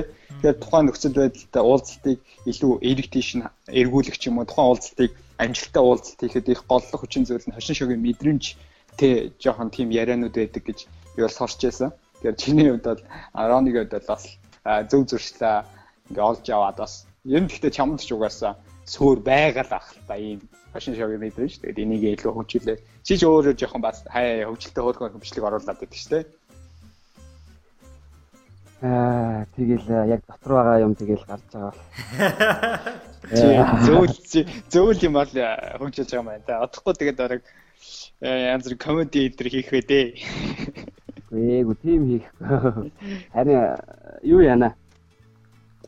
Билгүүнээгээ 52-оо нийлж чад комеди клуб байгуулна. Аа. За за за за. Хэд хэд онд ямарсан төлөвлөгөөнд оруулах чана байна хэдүүлээ ярьж. Тэрийг хийнэ. Өвөө болж байгаа тийм ээ. Аа за за. Өвөө болж байгаа. Тэгвэл цаг шүү. Тэгвэл амьдаж юм шиг сонсож чинь те. За ярилцсанд маш их баярлалаа. Тэгээд миний одоо унтах цаг болсон байна. Тэгээд та бүхэн оройг сайхан өнгөрүүлээрэй, сайхан амраарай. За Ануужан чаана маш баярлалаа. Чиний бүр маш баярлалаа. Асууж байгаа асуулт, хэлж байгаа энэ бүх зүйл маш чанартай гэх юм аа. Бүр айгүй гоё байлаа. За ер нь гоё юм тий. Яг ямар ч юу аахгүй яг өнгө нэрсэн өстой гоё хэллээ. Маш их баярлалаа Ануужан тэгээд энэ оройг маш их бат бүх сайхан нойрсорой. Баярлалаа. За та бүхэнд бас ажил өндөр амжилт хүсье. Маш баярлалаа. За нэг хүн маань ороод ирсэн байна. За би энэ үнийг юунд дөрөв танилцуулах зүйтэй. Оюка Ганбаатар гээ, оюун дээр Ганбаатар гээд. За манай оюун дээр маань Америкийн нэгдсэн улсын засгийн газрын Fulbright-ийн энэ жилийн хөтөлбөрт маань тэнцээд одоо яг Америкийн нэгдсэн улсад хүүсний их сургуульд суралцж байгаа. Тэгээ магистрийн хөтөлбөрийн хамгийн ихний семестр нь эхэлсэн байгаа. За оюкада юудсан Америкт өглөө болж байгаа тий. Өглөөний минь. За баярлаа. Юунд ороод ирвэ? Сайн байна уу? За гинтийн байдлаар ийм юм ингээд залгсан чинь гинтийн дуудлага оржсэн чи ямар санагдчих вэ? Арай гайх чи юу болоод байгаа болоод. За оюкагийн хувьд өнгөрсөн 7 хоног яг ямар 7 хоног вэ? За ямар ч одоо сургуульд орцсон, сургууль нь эхэлсэн, чигдэрч эхэлсэн үү? Ерөнхийдөө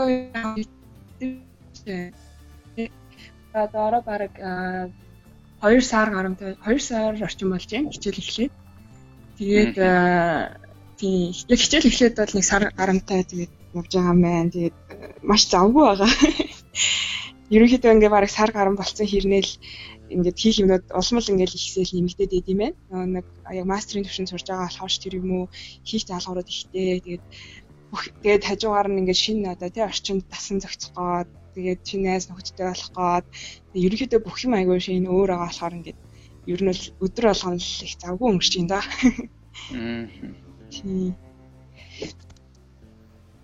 За өнгөрсөн 7 хоногийн үед аа өөрчлөлт тохиолдсон хамгийн онцлог зүйл. Өөрчлөлт бас маш хүчтэйгээр нөлөөлж чадсан тийм яриач үж болон контент үж болон киноч үж болон тийм зүйлээ байвал яг сонсогч бидэнтэй хуваалцаач. Аа. За өнгөрсөн 7 хоногийн хувьд маш их олон зүйл болсон дөө ер нь бол аа хамгийн сүүлд болсон гэх юм бол аа яг ээж маань төрсөд ирсэн тэр айгүй том зүйл юм болоо. Тэгээд аа одоо ингээд нэг ээжийнхээ төрсөн өдрөөр яг хажууд нь байгаад баярлуулж чадахгүй энэ тохиолдол гарсан. Тэгээд хэдийгээр ингээ хоол ямарч байгаа ч гэсэндээ ерөнхийдөө ээжигээ аюул баярлуулмаар санагдаад тий найзуудтай хэлээ зохион байгуулалттайгаар ээждээ төрсөн өдрөөр сюрприз барьсан байгаа. Тэр нь надад маш их мотивац өгсөн. Ингээд нөгөө хоол сурж байгаа тий ийм хүнд ч одоо ингээд өдөр тутмын янз бүрийн асуудлууд их гарч ирж байгаа. Ийм үеүүдэд хамгийн одоо их санагддаг хүмүүс бол ерөнхийдөө гэр бүлийн хүмүүс. Тэгээд ингээд гэр ихнийхээ тий хамгийн хайртай ээжигээ бас баярлуулсан чинь айгүй урам зориг ороод тэгэл тий надад ийм гэр бүл байгаа хамт олон байгаа намайг дэмжихтэй найзууд маань байгаа тийм үе чи дуулмал урагшаа ингээд зүтгэндээ гэл айгүй мотивац авсан юм уу да. Тэгээд хамгийн гол нь ээжигээ сюрприз барьж баярлуулаад ээж маань ингээд бөөн баяр хуцаар яхад бас айгүй их гоё сэтгэлийн бас таашаал авсан гэх юм. Уйлсан уу? Арай уйлсан гэдгийг итгэлтэй байна. Арай уйлсан арай өглөөг гэхдээ их гоё байсан. Тэгээд бас найзтайгаа бас их баярлалаа. Аа. Ямар ч гэрээ санаж бол дараахан л эхлээг байгаа юм. Тэгээд дөнгөж чи хоёс цараад байгаа. Тийм, гэрээ бол яг санаж эхлээг байна. Ерөнхийдөө одоо орчиндөө тасах гал явж гин. Тэгээд шинэ орчин, шинэ хүмүүстэй танилцаад тэгээд нэг сонирхолтой юм одоо мэдээж ингээд мастерын зэг сурж байгаа олон хичээл байгаа тий. Гэхдээ хамгийн гол нь бас хичээлийн хажуугаар бас энэ орчиндөө ингээд тасан зогсон чинь айгүй том зүйл юм байна тий. Хүмүүс хүмүүстэй танилцж нийгэмд нуусан гэдэг чинь бас чухал юм байна гэдгийг сүүлийн үед бас ойлгоод явж байна да. За, нэнди маань хувьд гэр их орноо хэрэг санаж байна. Аа, оюка нөө манай Айсек Айсекийн оюка мөн үү те? Аха, Айсектэйсэн. За, юу вэ? Сайн, андиг бас тань штий. Тийм. Чи бөө одоод л байна да. Оюка ч манай их байхгүй. Та манай их. Аа, за тийм ч болохгүй шүү. Цаашаа явуулаа. Аа, их орно, их орно санаа штэ. Аа, 3 хоногийн өмнө манай энд Монгол нөө хотод манай хот байдаг Монгол ах бод цойн идгээд тэгээ сайхан цойн идээд хоолоо идээд байж ийлаа. Тэгээд аа сайн хоол их орон гэхэр чи ер нь хоол хамгийн түрүүнд боддог юм байна. Оюутан хийгээд их өсөнжил явах юм да.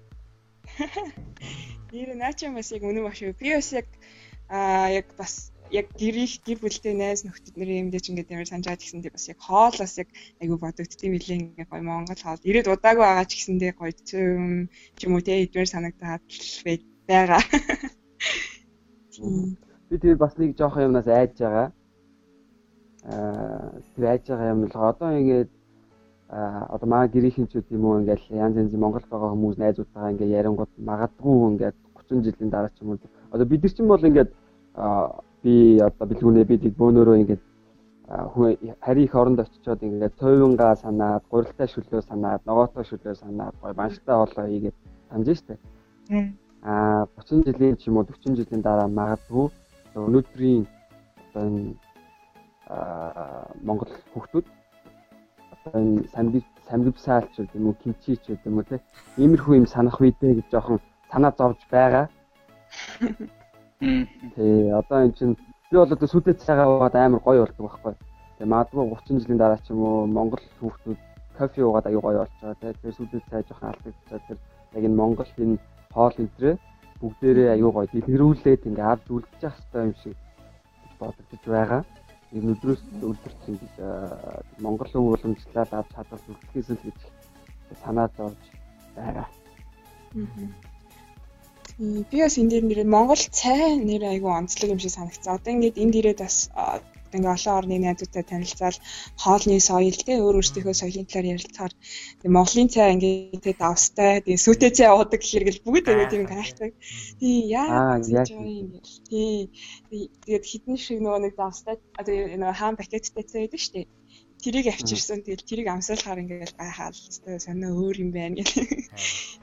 Тэгэхээр Монгол цайвал яалтчгүй онцлог юм шиг санагдсан. Аа зарим нэгэн одоо тий хоолны төслүүд маань ингээд бусад орныхтай төслүүд юм шиг юм шиг байхад яг цайвал яалтчгүй ингээд айгүй онцлог хүмүүс бас хайж хүлээж авд юм лээ. Аа.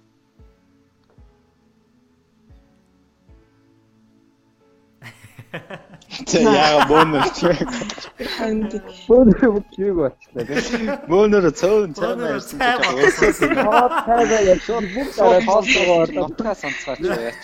Бүх тоол мод одоо бодсноо салсноо одоо гагаа одоо. Бороо сэдвэндчлээ. За.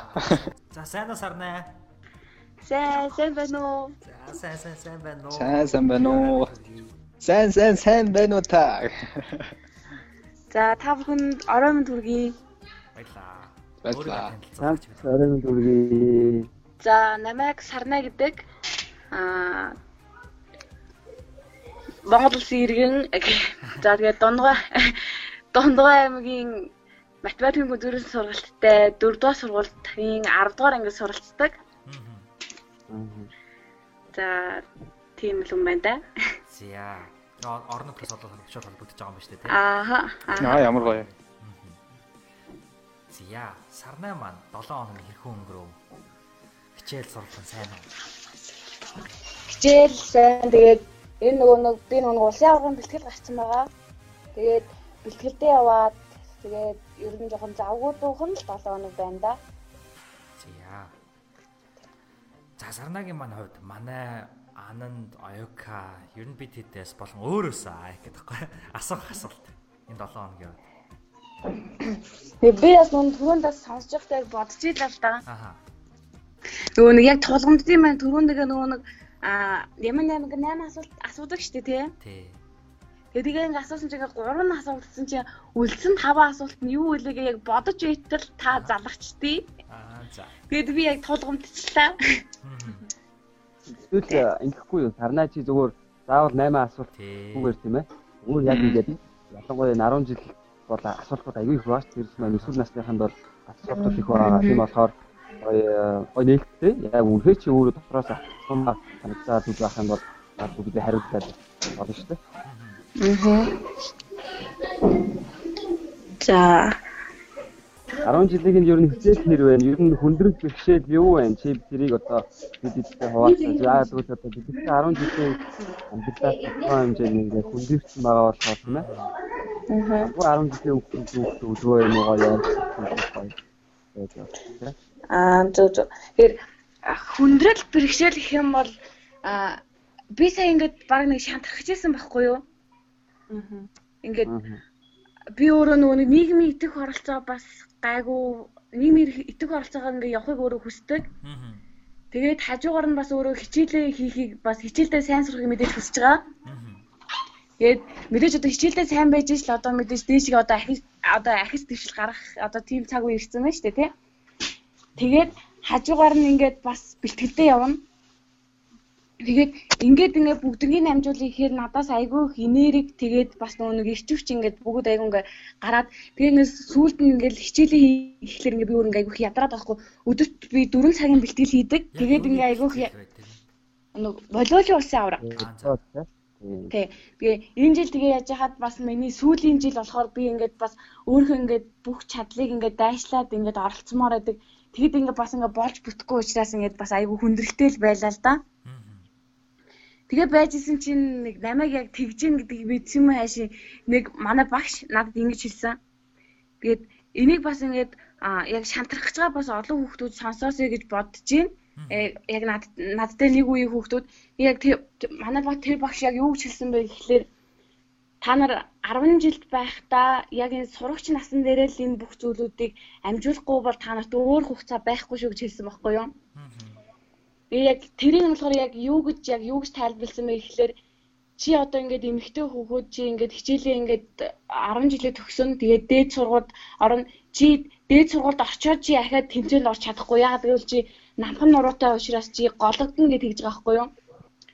Тэгээд аа тэгээд тийм учраас чамд ингээ өшөө чи тэгээд дээд сургуультай чи олон тэмцээн үзэж явж чадахгүй чи одоо ингээ 10 жилдээ л сайн одоо бүх зүйлийг амжуулж явж чад тэгээд 10 жилдээ амжуулж чадахгүй бол чи том болоод мэдээж эмэгтэй хөлт болсон юм чи их хүн болно их хүн болчоо чи ямар ч ажлыг амжуулж чадахгүй гэсэн нь надад бүр ингээд нэг ямар цохиод авч байгаа юм шиг санагдсан. Чи яаж шантарна гэж бодож чадваа гэж нэг тэгж нэг хэлж байгаа шиг санагдсан. Тэгээ энэ л одоо хамгийн чухал зүйл юм болоо тэгээ хүн яг 10 жилийн хүүхдүүдэд гарч байгаа хүндрэл нь гэх юм бол яг нэг 50-ах яг нэг түрүүнд яг хэлжсэн би сонсч байсан л да. Тэгээд нөгөө нэг яг бидний яг нөгөө нэг бүх юмыг одоо яг мэдих цаг үеийн ингээд таагдсан юм бол яг 10 жил дээр ингээд тийм ч юм мэдмээр байдаг, ийм ч юм мэдмээр байдаг гэж бүх тал руу ингээд салбан житл ингээд цаг хугацаа ингээд дуусах гээд дуусчих гээд байгаа юм шиг санагдаад бүр амар яарал. Тэгээд нөгөө нэг мэдээд байгаа ингээд айгүй олон мэдээлэл аваад байгаа мөртлөө ингээд нөгөө мэдээлэл нь ингээд цаашдаа ингээд мэдлэг болж чадж байгаа ч юм уу чадахгүй байгаа ч юм уу ингээд айгүй тийм асуудалтай. Тэгээ ингээд хий гэхлээр ингээд нөгөө нэг хоногийн 24 цаг нь хөрөхгүй ч байгаа юм шиг тий. Өөр нь хамгийн гол нөгөө нэг яг бидний мэдээлэл авах цаг нь яг энэ 10 жилийн цаг хугацаа. Тэгээ ингээд яг л баахан мэдээлэл донд л ингээд нэг одоо ялгаж чадахгүй ч юм уу нэг яг тийм нэг хэцүү л байгаад байна л да. Тэгэд энийг өөр нь яг одоо яах вэ? Би энэ дээр аягүй товчхон хариулт уу. Наадах чинь болохоор хүчээд харамдна гэж ярьдаг. Хүчээд харамдна гэж ярьдаг. Аа үнэхээр тамирчин болъё гэж бодож байгаа байх юм бол одоо спортоо хөөсөн дээр а үнэхээр үгүй гэх юм бол тэрийгээ одоо хобби болгоод цөөхөн цагаар а ингээд тэнцээ уралдаан хийхгүй яг үл тэнцээ уралдаан гэдэг яаж цаг одоо зориулт ордгийг гадралж юм болохоор хобби болгоод явж болно. Аа энэ яг эксперт болмоор байгаа. Ямар үнэхээр хичээл сурч болохоор айгүй чухал гэж бодож байгаа тэр зүйлээр л байрж байгаа. Би бол тэгж бодсон. Ойка юу гэж бодож Аха сая ингээд сонсч байсан чи яг миний яг оюутны үеийн бас яг Монголд оюутны үеийн цаг үе санаанд орсон л доо. Яг нэг хэсэг бас их тийм оюутны байгууллагуудад бас сайн дураар ингээд ажиллаад тий. Түрүү хэлсэн ISEC-д ажиллаад тэгээд бас хажуугаар нь яг хичээлээ хийгээл Тэгээ ингээд явж байгаа чинь яг хэсэг яг ийм мэдрэмж бас төрж исэн юм л да. Одоо ингээд хитрхи их ингээд юм болоод байна. Заавал ингээд сайн зүрх юм хийх хэрэг байна уу буюу гэл те. Гэхдээ хүн ер нь нөгөө нэг замгүй очнол улам их юм амжуулдаг шиг. Аа цагаа гол нь ингээд дүр зохицуулж чадах юм бол аа миний бодлоор бол ингээд яг хар эцсийн үр дүн нь бол бүр ингээд тий улам сайн хөнгөөдтэй хажуугаар нь хийх гэсэн юмудаа амжуулсан тэгээд байдаг. Тийм болохоор ингээд өдөртөө яг өөрийнхөө нөгөө нэг зарцуулах цаг 7 хоногийнхаа ч юм уу өдөр тутмынхаа хуваарийг гаргаад тэгээд ингээд явбал илүү үр дүнтэй. Тэгээд одоо хүмүүсийн ярьдгаар нөгөө төдийлист гэдэг шиг одоо ингээд тий хийх ажлын жагсаалтуудаа ингээд гаргадаг ч юм уу. Тэгээд ингээд явах нь илүү тэрэндээ мотивацлаад ажил хямжуулт юм шиг санагцсан. Тэгэхээр дээр Тэгээ за эхлэхийн ихтэй би баг нэг юм болох уу, нэг юм болох уу гэхээс илүү зүгээр өдрийнхөө яг нөгөө цаг болгоныг нэрээ ингээд би бүх цагаа яг үнээр ингэж заавгүй өргөтөлтөд өнгөрөөж байгаа юм өөрөөр цагууд надад тийсгээд за цагаа төв зохицуулбал миний алаар бол харин ч илүү өөр ашигтай байт юм шиг санагдсан. Аа. Тэг манайхны яг гэж оролцсон хулан маань ороод ирсэн байна. Хулаан сонсч байна уу? Аа сонсч байна, сонсч байна. Сайн байна уу? За сайн байна. Орой минь төргий. Орой минь төргий. Сайн уулаа. Өөрийгөө танилцуул. Сайн. Аа за би болохоор Улаанбаатар хотоос холбогдож байна. Тэгээд одоо бол 11 дугаар ингээд сурч стейсний лицей сургууль сурдаг. Тэгээд а сайн нөгөө нэг мессенжер маань сайн өгдгөө тэгээ бүр болох гэж бүр амар хичээлээ. Тэгээд амар баяртай байна. Тэгээд яг одоогор болохоор яг TOEFL-ийн шалгалтанд бэлдээ явж байгаа. Нэг сар төгөөд тэгээд нөгөө нэг сошиал медиа Facebook, Instagram эднэрээ хоригдсан байж байгаад өнөөдөр мэдээлэл авах гээд яг сайн Facebook руу ороод харсан чинь юм юм болно гэдээ аюул баярлалаа. Аа. За, холаа. За. Энэ 7 хоног хэрхэн өнгөрч байна? Бүхэнд бас өөрийнхөө 7 хоногийг хуваалцвал.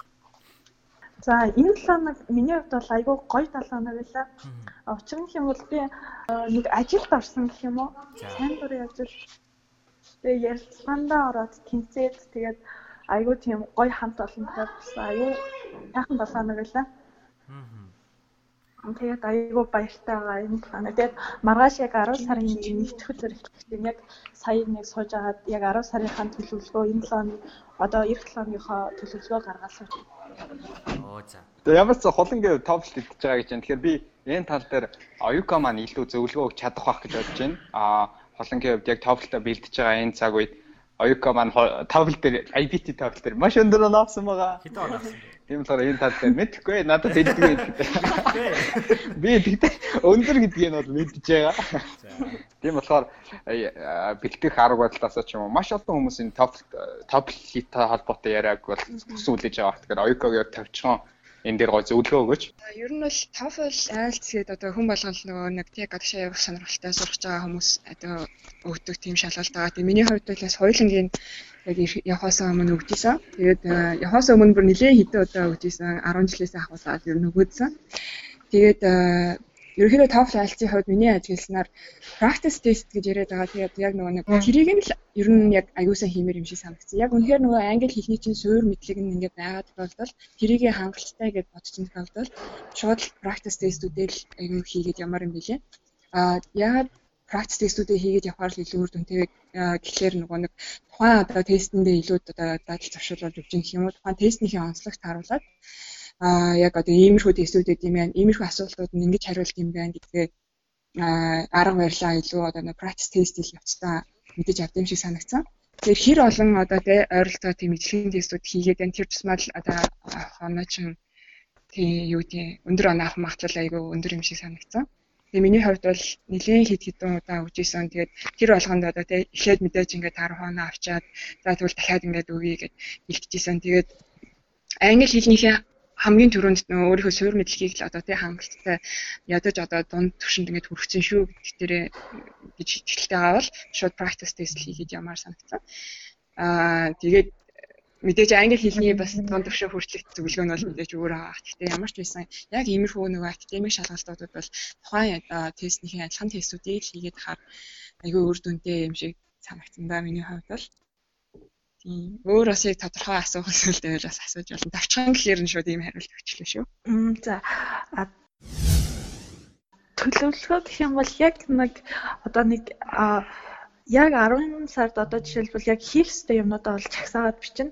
Тэгээ яг хизээ хизээ гэдгийг нь яг тодорхойлж бичээд айгүй ингээд нэг юм жижигтэр юм тэмдэглэлийн дэвтэр айгүй хөтөлж авдаг. Тэгээд яг ингээд хийх ёстой юмнуудаа мартахгүй тулд тэгээ ямар ч байсан өдөр болгон тэр тэмдэглэлийн дэвтэртэйгээ яг холбоотой байх хэрэгтэй хамгийн гол нь яг ингээд өдөр болгон яг хараад бичээд дээр нэмэх юм байвал нэмээд. Тэгэхгүй бол ер нь жоохон алдаа гаргадаг нь бол хаяа харцаад хаяа харахгүй ингээд явдаг нь айгүй юу болдог. Төлөвлөгөөний хувьд гэх юм бол айгүй гоё өөрийнхөө бас нөгөө нэг сонирхол татгаар бас айгүй гоё чимгэлж болдог. Би бол өөрөө тэмдэглэлийн төвчрээ хийдэг. Тэгээ тэрийг айгүй гоё чимэглээд өөрөө яг плана ингээд зураал яг явдаг. Зураал бичээл одоо ч айгүй гой гой юмнууд ингээ гарцсан шүү дээ. Хавцын нь бол өөрөө хийчихдэг шүү дээ. Ингээл өнгийн цаас мас гэл янз янз ингээд нэг наалтдаг нэг айгүй гоё цаас байдаг. Тэгэл тэр мөргээр айгүй хийдэг. Тэг ингээ өөрөө бол яг сар сард бол нэг тэмдэглэлийн дэвтэр хийгээ явчихдээ. Тэгээд өчигдөр тэмдэглэлийн дэвтрээд басаа тэг өнөөдөр бичсэн. Хөө мөлгөө гэж ер нь ер нь одоо тэмдэглэл э, бичин ер нь өдрийн тэмдэглэл одоо их бичдэг байсан. Тэгээд 2018 оны 6 сараас хойш пауз авсан. Тэгээ пауз аваад тэрнийг тодорхой шалтгааны бодлоос пауз аваад ер нь бичих бол ер нь их чухал. Тэгээд одоо энэ хулангийн хэлж байгаа бол аюу сайн, аюу зөв юм байхгүй. Яг л хувь хүний тэрний бүтээлч зан ямарваа нэгэн зүйлийг хийхэд аюу гоёор өөртөө гоё таашаалтаагаар гоё хийж шүү. амар сайн чанар, аюу сайн чанар. Тэгээ ийм хүн чинь магадгүй 10 жилийн дараа ч 20 жилийн дараа ч ямар ч юм танд аюу гоё гоё хийж чий гэж боддог болдог байхгүй. Ямар нэгэн байгууллага ажиллахад нэмэг одоо гэр бүл тоогоод ингэсэн байхад юм болгон тэр аюу гоё хийж чий гэдэг нэг voice аюу тийм бүтээлч хандлага тэгээ тогтсож байгаа гэсэн үг. Үүнээс одоо ингэ залуучууд гэдэг юм уу тэмдэглэл аягүй сайн бичих хэрэгтэй. Тэгээд хүний аналитик чадвар аягүй өндөр хөгждөг ер нь бол өдөр болгон тэмдэглэл бичих юм бол аягүй сайн. Аягүй үр дүнтэй. Аа тэмдэглэл бичиж байгаа хүн бол ингээд аа дэлгэрэнгүй бүр бичих юм бол бүр аягүй сайн. Яг юу гэж яг тодорхойлох сайн мэдэхгүй байна. Гэтэ аа тэмдэглэл бичиж байгаа хүн бол одоо юу хийлж, юу үйлдэж байгаа тэр бүх үйлдэлээ магадгүй тэр нь 10 жилийн дараа нь тэр үр дүн нь одоо гарна. Тэгээд тийм тий ер нь бол аягүй сайн үр дүнтэй. Тий ер нь бол би бол бас яг адилхан өдрийн тэмдэглэл хөтэлдэг байсан. Гэхдээ өдрийн тэмдэглэл хөтэлдэг байсан зорилго нь болохоор хоёр зорилготой. Нэг нь мэдээч ингээд тухайн өдрийнхөө одоо тий бас үйл явдлуудыг бичих. А хоёрт нь болохоор би нөгөө англи хэл дээр айгүй бичдэг байсан байхгүй юу. Яа тэгвэл тухайн үед бас нөгөө яг зорилго нь бол нөгөө нэг бас хэлээ сайжруулах байсан болохоор тэгээд бас магадгүй одоо сонсож байгаа хүмүүсээс тий англи хэлнийхээ бичгийн одоо тий төвшин хэрхэн сайжруулах вэ гэвэл бас нөгөө нэг сумаар хоёр туулаа гэдэг шиг өдрийн тэмдэглэл бичингээ тэрийг ингээ англи хэл дээр бичгээр бас айгүй өөр дүнтэй байдаг гэсэн. Тэгээ миний хувьд бол бас нэлээд хэдэн дэвтэр бүр ингээ англи хэл дээр бичиж дуусгасан байсан. Тэгээд ерөнхийдөө ингээ харахаараас айгүй хөөрхөн. Тэгээд анхны ингээ бичсэн дэвтрүүд маань ингээ нийл алдаа одоо ингээ уншихаар тийм ингээл бүр бүүн алтаатай хэрнээл ингээ бичээдсэн байгаа байхгүй юу. А тэгээ явандаа ингээд нөгөөх маань сайжраад яваадсан байлээ. Тэгэхээр бас сонсож байгаа хүмүүс хэрэгтэй гэж үтгэх юм бол айгүй өөр дүнтэй арга юм шиг надад санагцсан. А хүн одоо өөрөө өөрийнхөө тухай тэгээ өөрөө өөрийнхөө ингээд хинч харахгүй гэсэн юм дээрээ бол ингээд санаа зовлохгүй бичдэг. А яг одоо TOEFL-ийн ч юм уу IELTS-ийн эсээ бичгээр ингээд айгаалгаад юугаа бичгүй яах вэ гэдэг. Тэгээ нөө бичих гэдэг чинь нөгөө нэгэн төрлийн зуршил байдаг учраас тэр зуршлыг өөртөө ингээд суулгаад өгчих юм бол аяанда ингээд нөгөө одоо тий бичээд ингээд яваад хам бол бас бичгийн сайжирдаг байгаа. Тэгэхээр бас ингээд хоёр зэрэг ингээд тий зэрэг зэрлэг тавиад тавиад ингээд хийж болохоор юм шиг санагдсан. Тэгээд одоо энд ирснээсээ хойш гэх юм бол ерөнхийдөө академик талдаа л илүү их тэмдэглэж хөтлж байгаа. Өдрийн тэмдэглэлээ бас тэр болгон одоо ингээд өргөжлүүлээд байх цаг гарах байгаа учраас тухайн одоо тий өдөртөө сурсан хичээлүүдийнхээ гол гол поинтууд маань юу вэ? Энэ багшиг юу хэлэхэд орох гээд байна вэ гэдэг тэр болгоныг мэдээж тогтмол ингээд тэмдэглэж явж байгаа. Аа тэгэхээр одоо яг шинээр одоо ингээд сурч хэлж байгаа болохоор тэр юм одоо бүх мэдээлэл нь маш чухал санагдаад аа мэдээж бичиглэлтүүд бол мэдээж маш их хийж байгаа. Тийм ийм байна. Тэгээд тэгж өөрчлөх юм уу? Анхандаа ингээд яг англи хэл дээр зүгээр хэлээ сайжруулах зорилготой биш гэсэн бол одоо бол яг мэдлгүүдээ тий надад одоо ийм мэдлүүд хэрэгтэй байна гэсэн тэр мэдлүүдээ тэмдэглэж авч байгаа. Аа тэгээ миний хувьд бас нэг дэвтэр байдаг. Тэр дэвтэр маань болохоор ингээд дандаа бичдэг. Зүгээр яг гол зорилго зорилтуудаа ч юм уу те эсвэл одоо ингээд хүмүүсийн нөгөө bucket list гэж яриад байдаг шүү дээ нөгөө хийхийг хүсдэг зүйлсийн жагсаалт гэдэг шиг тийм зүйлсүүдээ бичдэг нэг дэвтэр байдаг тэр дэвтрийг хөтлөөд одоо бараг 5 6 жил болчихно тэгээд аюу бас яг нөө сая а манай хулангийн маань ярьсан шиг нэг ингээд чимэглэл юм шиг тийм дэвтэр байдаг. Тийм яг өөрөө ч чимэглээгүй л дээ холын шигээ. Гэхдээ аюу гоё ингээд харахад тийм гоё дэвтэр. Тэгээд тэр дэвтэр дээрээ бол ингээд байнга одоо жил болгоно тий гурван зэрлэг ингээд тавьчихдаг. Тэгээд тэрийг ингээд байнга ревю хийгээд энэ дур төвчлөлтөд манд биелж юу бидэг бол дараа ширүүг оруулах ч юм уу. Эсвэл ингээд зүгээр л өөрийнхөө одоо хүсэж байгаа тий аялмаар байгаа орнууд ч юм уу. Тиймэрхүү юмнуудаар бичдэг бас нэг тийм дэвтэр байдаг. Ингээд харахаар л гоё санагдаад байдаг гэсэн тийм дэвтэр байдаг. Магадгүй ингээд бас зарим нэг зүйл ингээд мотивац болдог ч юм уу. Тийм бас дэвтэр байт юм байна. За одоо надад бол нэг дэвтэр гэвэл нэг зүйлт нэг дэвтэр авсан. Сайн нэг бэлгэн дэвтэр ийшсэн. Тэгэхээр чи нэг 7 8 дэвтэр байна тий. Нэг нь ч дуусаагүй. Тэгээ тийм дэвтрүүд байна да. Тэгээ яг хаа чамин чам тэгээ дэвтрүүд байна. Гэтэ яг бүгдэн дээр ямар ч юм юм бичсэн байдаг. Түүхий удснаас харуул. Гэхдээ яг хаа чанартай бөгөөд товч товч юмнуудыг бичдэг юм доо. Юу яг хаа PDF би аягүй их бичдэг. Тэгээд баг миний амьдралын баг нэг хэсэг болсон. Тэмдэглэл бол маш их бичнэ. Би одоо метрон дотор явж, трамвай дотор явж, автобусын дотор явж, хичээлийн завсарлагаанаар байнгын юм бичдэг байхгүй юу. Магадгүй энэ яг амьдралын нэг хэсэг болсон. Тэгээд ингээд бичээд ирнэ штэ. Манай нэг өдөр би тэгжсэн нэг тэгээд тэмдэглэл бичдэг энэ. Манай нэг үеэлэгч маань надаас тэгж асуусан байхгүй юу. Аа андаа чи наад тэгээд тийм бичсэн тэмдэглэлүүдээ эргэж уншд юм уу гэж надаас асууж исэн багтаа. Тий. Тий. Тэгээд тэр чинь 2014 онд би яг 3 дахь курс хийсэн мөсөн. Тэгэл тэрэн дээр надад амар тийм тоцроо өгсөн. Тэгээд тэрнээс хойш би бичсэн тэмдэглэлүүдээ энэ 2-оос 3 удаа одоо эргэж харддаг болсон. Аа одоо англи хэлний үг хэлж байхад одоо бид нар чинь нэг үгийг ингээд ганцуудаа харчаад ингээд тогтохгүй шүү дээ нэг 2 3 ингээд байн байн харахад юм бол айгүй сайн шүү дээ. Тэр шиг бичсэн тэмдэглэлүүд ингээд байн байн эргэж хардаг болцоо. Тэр их чинь манай ихний хэлснээс хойш. А тэгээд учир шалтгааны хууль гэж юм байдаг. Тийм ээ. Ямарваа нэгэн процесс яагаад тийм процесс болчихоо гэдэг. Тэр хүний аналитик яг тэр чадвар айгүй өндөр хөгжөөд байгаа байхгүй. Тэгэхээр ямар нэгэн процесс болоход одоо ингээд ингээ юм болно ш. Тэгэнгүүт тэмдэглэх гэж байгаа хүн одоо энэ сэтгэл судлаачийн хийдэг аягүй тийм скиллтэй ер нь бол дандаа тэгж бичдэг. Тэнгүүд яагаад ингэнгүүт ямар нэгэн процесс болонгод аа ийм утга шалтгааны одоо улмаас ийм зүйл болсон байж тээ гэдэг одоо сэтгэл зүйч хүн бол аягүй одоо тийм хурдан одоо тэрийг ингэж бодож олох хэрэгтэй байдаг юм байна л та. А тэгээ тэмдэглэлийг 8-аас 10 жил хийж явах хэрэгтэй гэж одоо тэгж үздэг юм байлээ. Одоо тэр нэг мөс сэтгэл судлалын хичээлээр тэр олзаяа багш хэлчихсэн байна. Тэр хүний тэр э, одоо очир шалтгааны хууль гэдэг зүйлийг аягүй сайн хурдуулж магадгүй би аягүй тойруулаа ярьж магадгүй хэлэх гээд байгаа юмыг ойлгож байна те. Тэгэхээр яг бол дотор төрж аваа тэр мэдрэмж байх юм бол тэрийгэ буулгана. Дараа нь эргэж хараад тэр яг процесс яагаад бичигдсэн бэ? Тэгээд тэр зүйл яагаад болсон бэ гэж дотор дахиад бодно гэсэн. Тэгээ яг зүгээр анализ сэтгэлгээгээ хөгжүүлэе гэж бодож байгаа хүн байвал бичиж болно, гүйцэж болно. Би Франц хэл дээр бас яг тэр Оюкагийн хэлдэг шиг Франц хэл дээр бичиж байгаад тэгээд Франц хэл дээр бичиж байгаа болсон байхгүй. Яагаад болсон бэ гэхээр миний монгол хэл алдагдах гэдэг юм санагдаад би нуран яруу монгол хэлнийхээ энэ үгийн баялагийг авч үлдмээр санагдаад тэгээд монгол хэл дээр бичдэг болсон. Ер нь бол санаа нь Ямар ч байсан аюу ингээд зочин болоод оролцсонд бол аюу их баяртай. Тэгээ баярлалаа. Зя. За дэвтэртэй холбоотой юм дээр болохоор би сүүлд нэг 2-7 хоногийн өмнө ихтлгүүр орж нэг дэвтэр авсан. Нэг юм бичгээ зориуд. Тэр бол их гоё дэвтэр.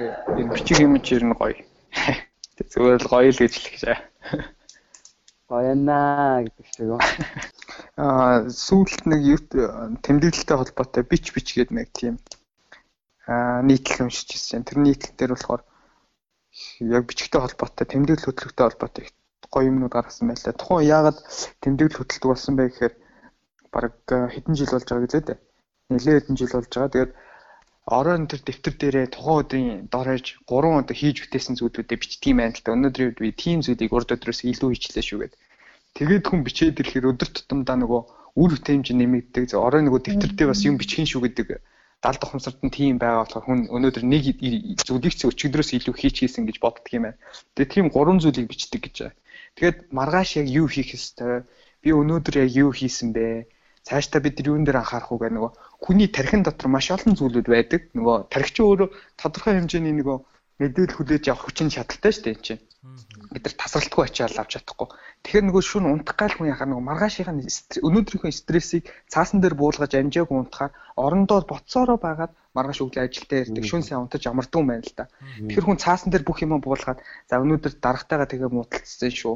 Маргааш энийг сайжруулахын тулд ийм зүйл хий. Өглөө очиод өөрчлөлт гон ч гэдэг юм уу. Нөгөө санаа зовоож байгаа зүйлүүдийг айлуулах цаасан дээр бичээд тэрийг хийдэх аргачлал байх юм бол тэр болгоно буулгачаар хүн сэтгэл тэнүү амардаг юм байна л да.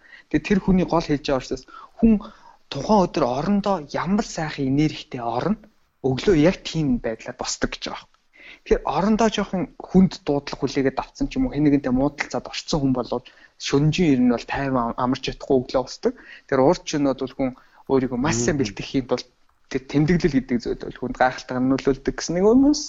Тэгээ сүүлд тэр биний шеэрлсэн байгаа нэг уянг бат гэдэг одоо бас тэр охины болохоор бас бичдэг арга барил их тэмдэглэл хөтэлдэг. Ер нь цаашдаа юу их үгээд тэр аргачлалууд нь бас их таалагдсан. Тэгэхээр энэ бичигуд их гайхалтай л юм шиг байна. Ер нь түүхийн хуудснаас харуул. Тайвнагийн хэлдэг өстой зөв. Маш зөв. Аа санал бол үнэхээр нэг өнс гоё яг гоё аюу гоё юм хэллээ шүү. Энэ бол сонсож байгаа хүмүүст бол аюу хэрэгтэй тийм зүйл болно. Тий. Тэнгүү чи хүн чинь ингээд тухайн өдрөө ингээд сүултээ ингээд оройноо те суугаад нэг тухайн өдөр ингээд хоёр ангилтгийн байна л та тэмдэглэлийг реалист тэмдэглэл, идеалист тэмдэглэл гэж хоёр ангилт юм байна. Өөрөөр хэлбэл реалист нь болохоор одоо яг ингэж бодит байдал тийм ээ. Тэр хүн одоо яг тэр өдөр юу хийсэн, яасан, ямар асуудал байсан, ямар гоё зүйл болсон одоо тэр бүх процессыг ингээд дэлэн далангуу бүгдийг бичдэг юм байна. Тэгэхээр одоо ингээ хүн хүн болгоно нэг юм гаргадаг зүйл гэж дуулахаараа ингээд сэтгэл гоё онгоочдөг бүжгэлтэй сэтгэл онгоочдог хүнтэй ярихаар онгоочдог хүн гэж байдаг шүү дээ. Тэгэхээр бичгээрээ онгоочдог хүн гэж бас байдаг юм байна л та. Тэгээд ингээд бүх юм ингээ гаргачихаар одоо сэтгэл нь ингээ онгоогоод гоё болтой юм байна. Аа тэгээд идеалист тэмдэглэл гэдэг нь яадаг вэ гэхээр аа тэр одоо байрлах амьдралдаа байрлахыг хүсэж байгаа, авуулцахыг хүсэж байгаа, хийхийг хүсэж байгаа ч юм уу. Тийм бүх зүйлүүдээ бичдэг тийм хоёр хоёр өөр төрлийн тэмдэглэл байдаг юм байна л одоо мөрөөдөл тэр төлөвлөгөө гэдэг байгаа идеалисттай ордог юм байна л. Өөрөөр хэлбэл тэр тухайн хүн бол тийм биш. Тийм болмоор байгаа зүйл нь идеалист тэмдэглэлтэй ордог юм. Ийм хоёр төрлийн тэмдэглэлийн дэвтэртэй хүн байж ах хэрэгтэй юм байна л. Тэгээд одоо анализ нь бол реалист тэмдэглэл дээрээ хүн анализ хийгээ явчихна. Тэгээд идеалист тэмдэглэлийн хажуугаар нь хүн өөрийнхөө нөгөө тэмүүлэл мөрөөдлийг хөглөөд ингэ явж явах юм нэг ийм хоёр төрлөх байдаг юм байна мэдээллийн чанартай тийм ээ. За. За би дараах нэгэн асуултыг сонсогч Марламагийнхаа зүгээс асуухыг хүсэж байна. Тэр нь юу гэхээр та бүхэн мэрэгчлээ хэрхэн сонгож байсан бэ? Энэ 10 жилийнхандаа мэрэгчлээ сонгоход ямар зөвлөгөө өгөх вэ? Тэгээ энэ асуултыг хариултанд оюука маань төрүүлж өгөх боломжтой юу гэж асууя. За тий айгүй хүмүүсийн асуудаг асуулт авш юм байна. Тэг би ч гэсэн бас яг 10 жил дахтаа ингээл айгүй одоо тий стресстэйсэн гэх юм уу? Яг одоо ямар мэрэгчлэр сурах уу, яах уу, ийх үү гэдэг дэр. Тэгээд Монголын нөхцөлд болохоор ингээд яг тий багш нараас юм уу гэр бүлийнхэн эцэгхийн зүгээс бас тодорхой хэмжээний ингээд яг сайн зөвлөгөө ингээд тийм сайн өгөөд чаддгүй юм шиг санагдсан. Боловсролынх нь одоо системдээ байд юм уу? А өөр орнуудад тий одоо шинэ Америкт бол зээл айгүй хөгжөөд боломжууд юм. Тэгэхээр ингээд манай ингээд Монголын оюутнуудад ингээд тулгандаа гэдэг асуудал нь ялангуяа одоо ингээд 10 жилдээ ингээд айгүй стресс чаа. Тэгээд их сургууль орохдоо ингээд буруу сонгоцсон юм ч гэдэм үү те. Тэгээ ингээд хайрын цаг хугацаа гэж ингээд явдаг. Гэхдээ мэрэгжил сонгох дээр миний бодлоор бол хамгийн нэгдүгээр одоо тавигдах асуудал өөрийнх нь сонирхол юм шиг санагдаад яг аль чиглэлд илүү сонирхолтой байна ямар чиглэлээр би илүү сайн вэ гэдгээ нэгдүгээр дүүрөө сайн мэдэж ямар юм шиг санагдсан а хоёрдугаар бас одоо яг тийм ирээдүйд ч юм уу нийгэмд Монгол төдийгүй өөрийнх нь зорилгоос хамаарат Монгол юм уу өөрөө хийн тавцсан ажилламаар байгаа юм уу тэрнээсээ хамаарат а тэрнээсээ хамаарат одоо одоо трендинг гэж яриад байгаа ямар одоо мэрэгчлүүд одоо илүү эрэлт хэрэгцээтэй байх нь гэдгийг нэгдүгээрт бол өөрийнхөө сонирхлыг харах хэрэгтэй а хоёрдугаарт бас одоо нийтлүүд тийм яг орчин үеийн яг сүүлийн үеийн мэдээллүүдээ бас ямар одоо мэрэгчлүүд одоо илүү эрэл хэвцэтэй нэг юм болох юм шиг сан. Тэгээд тэр сүүл дэлхийн эдийн засгийн формоос гаргасан одоо эрэлттэй 10 мэрэгжлийн жагсаалтыг гаргасан байсан. Тийм тэр мэрийг ингээд харахад бол аюу олон сонирхолтой гоё мэрэгчлүүд бас ингээд байдаг. Тэгэхээр хүн ер нь өөрийнхөө нэгдүгээр сонирхлыг хараад тэгээд хоёрдугаар бас эрэлт хэвцээгээ харж агаад сонгол зүгээр юм болоо да гэж бодож байна. Би ихчин байна. Бүгдээрэнд өдрийн минь өдрийн минь төргий. За баярлалаа. За яг ямар сэдвийн тухай ярьж байгаа лээ би айгу гинтийн ороод ирлээ. За ингэчин маань өөрийгөө бас танилцуулаач. За би энэ дээр би ингэчингээ гентийн байдлаар гент өөрөө оруулаад ирсэн байгаа ямар ч бэлтгэлгөө. Тэгээ ингэчин маань Монгол телевизийн сэтгүүлч байгаа манай найз байгаа. Тэгээд Миний хувьд бол ингэчингээс маш олон зүйлийг суралцдаг, бас яриа нийлдэг байна. Найзуудын нэг тийм болохоор энэ ярианд орж ирээд өөрийн гэсэн үзэл бодлоо илэрхийлээд тэгээ бидний асуусан асуултанд өнгө нэмэх байх гэсэн үднээс инхчингээ урьсан байгаа шүү. Тэгээд инхчинд ямар ч гинти урилгыг хүлээж аваад орж ирсэнд маш их баярлалаа. Тэгээд 8-ын 50 дахь удаагийн дугаар маань яг одоо шууд явж байгаа. Чиний дуу хоолойг Facebook-ийн 8 сонсдог сонсогч нар маань сонсоод явж байгаа. За ямар ч тач урьж оролцсон баярлалаа. Тий. А ер нь бол ойрдоо ажил ихтэй байгаа даа. Тэгээд яг тийм завгүй 7 хоногуд өнгөрч байгаа. Тэрний хажуугаар болохоор яг шинэ зуршил одоо өөртөө төлөвшүүлэх гэж үзсэн нь болохоор би өдрийн тэмдэглэлээ орой өчтдөг байхгүй юу.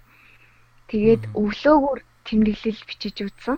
Аа тэгээд тэгэхдээ болохоор зөвхөн яг нөгөө нэг талархаж байгаа зүйлээ бичээд аа тэгээд яг нөгөө нэг энэ тэр 7 хоногт тухайн 7 хоногт хийхийг хүсэж байгаа тэр өдөрт хийхийг хүсэж байгаа зүйлүүдээ хийчээд маргааш өглөө нь болохоор яг тэрийг базаж дүгнэж яваад исэн байхгүй. Тэгээд тэр бол бас а яг орой болохоор ерөөхдөө нэг тийм үйл явдал сэтгэл хөдлөлт төвлөрсөн юмнууд бичээд байдаг бол өглөө бол илүү тийм бүтээмж рүүгээ чиглэсэн тэгээ тийм эерэг зүйлүүдийг илүү бичдэм байлээ. Тэгээд тэн дээр тийм ялгаа мэдэрч байгаа. Аа тэгээд аа нэг сар гарны өмнөөс ер нь бол өглөө босох гэж аюу тэмцэж байна.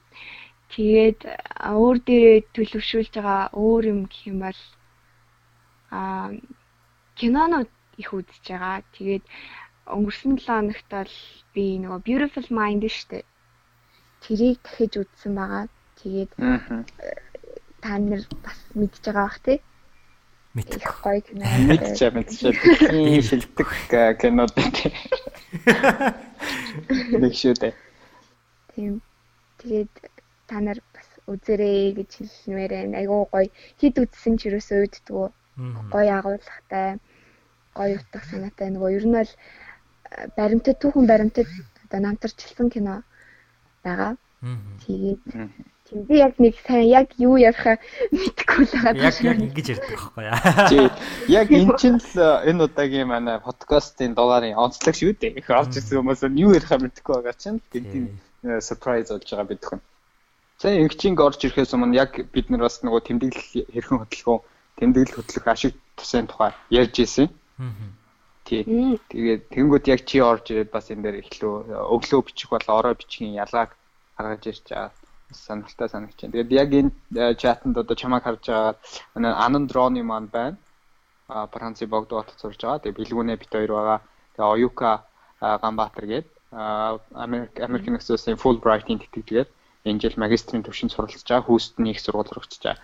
Зочин зочноор бас оролцож байгаа. Тэгээд хулан Наранзуул гэсэн хоёр зочин сонсогч манаас орцсон байгаа. Ингээд нийт 7 л байна. За ингээд цааш нь яриаг маань хагалж явах юм маань анан дроны юм болоо. Далуулаа юу тавина.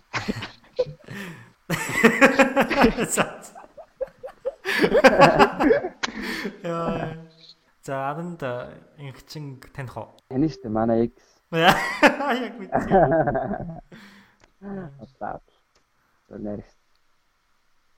Э за игчингээсээ гоё юм асууя л да. Энд чинь заавал нөгөө орж байгаа хүмүүсээс гоё игчингээсээ юм асууя л тээ. Манай игчингийн гоё хобби хобби юу хийдэг? Мм хобби юу? Аа би саяхнаас нэг шинэ хоббитэй болсон байхгүй юу? Тэгээд тэр нь болохоор би ер нь бол аудионд дуртай. Тэгээд хүний яг гоё хоолыг сонсож ярилцах бас дуртай. Тэгээд яг одоо хийж байгаа ингээ ярилцж байгаадаа ер нь бол баяртай. Аа тэгээд миний одоо сүүлийн үед одоо хобби болгоод цуглуулж байгаа нэг юм байгаа. Тэр нь болохоор шууган. Янз бүрийн саунд эффектүүдийг цуглуулж байгаа шууган цуглуулж байгаа. Аа. Айгуу сонирхолтой санагдчихж байгаа. Надад одоогор бол нэг 60 60 хэдэн одоо шуум яг миний над тийм дуу авианууд цугларсан байгаа. Тийм. Үү, наад чих сонирхолтой.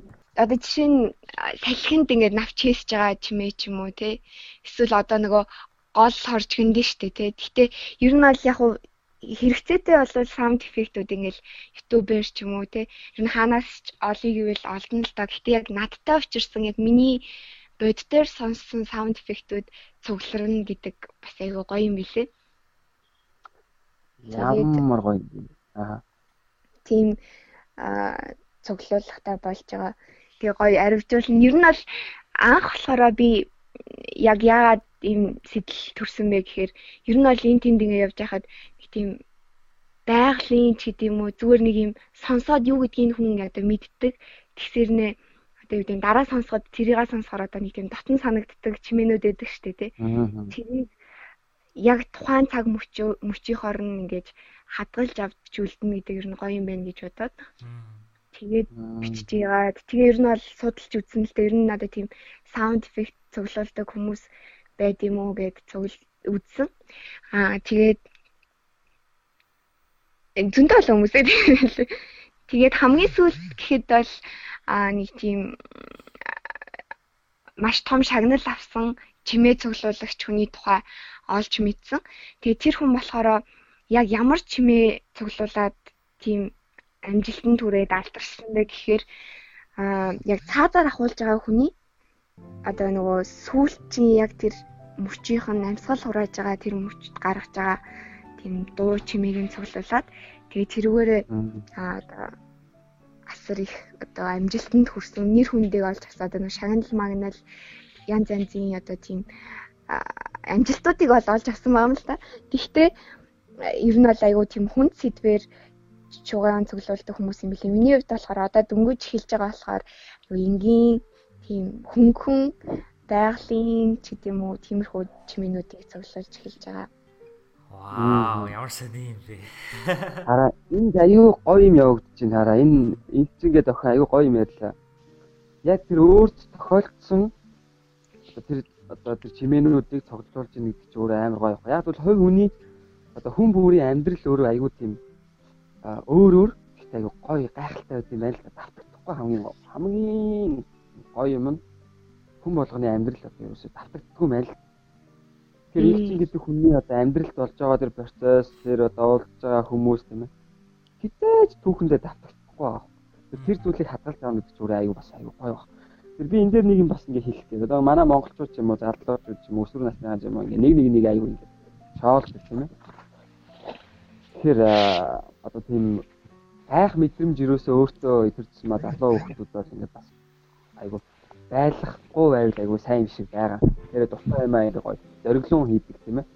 Одоо жишээ нь би бол одоо ингэ а одоо зохиолын дунд айгу дуртай. Нийтийн дунд бол амар дуртай.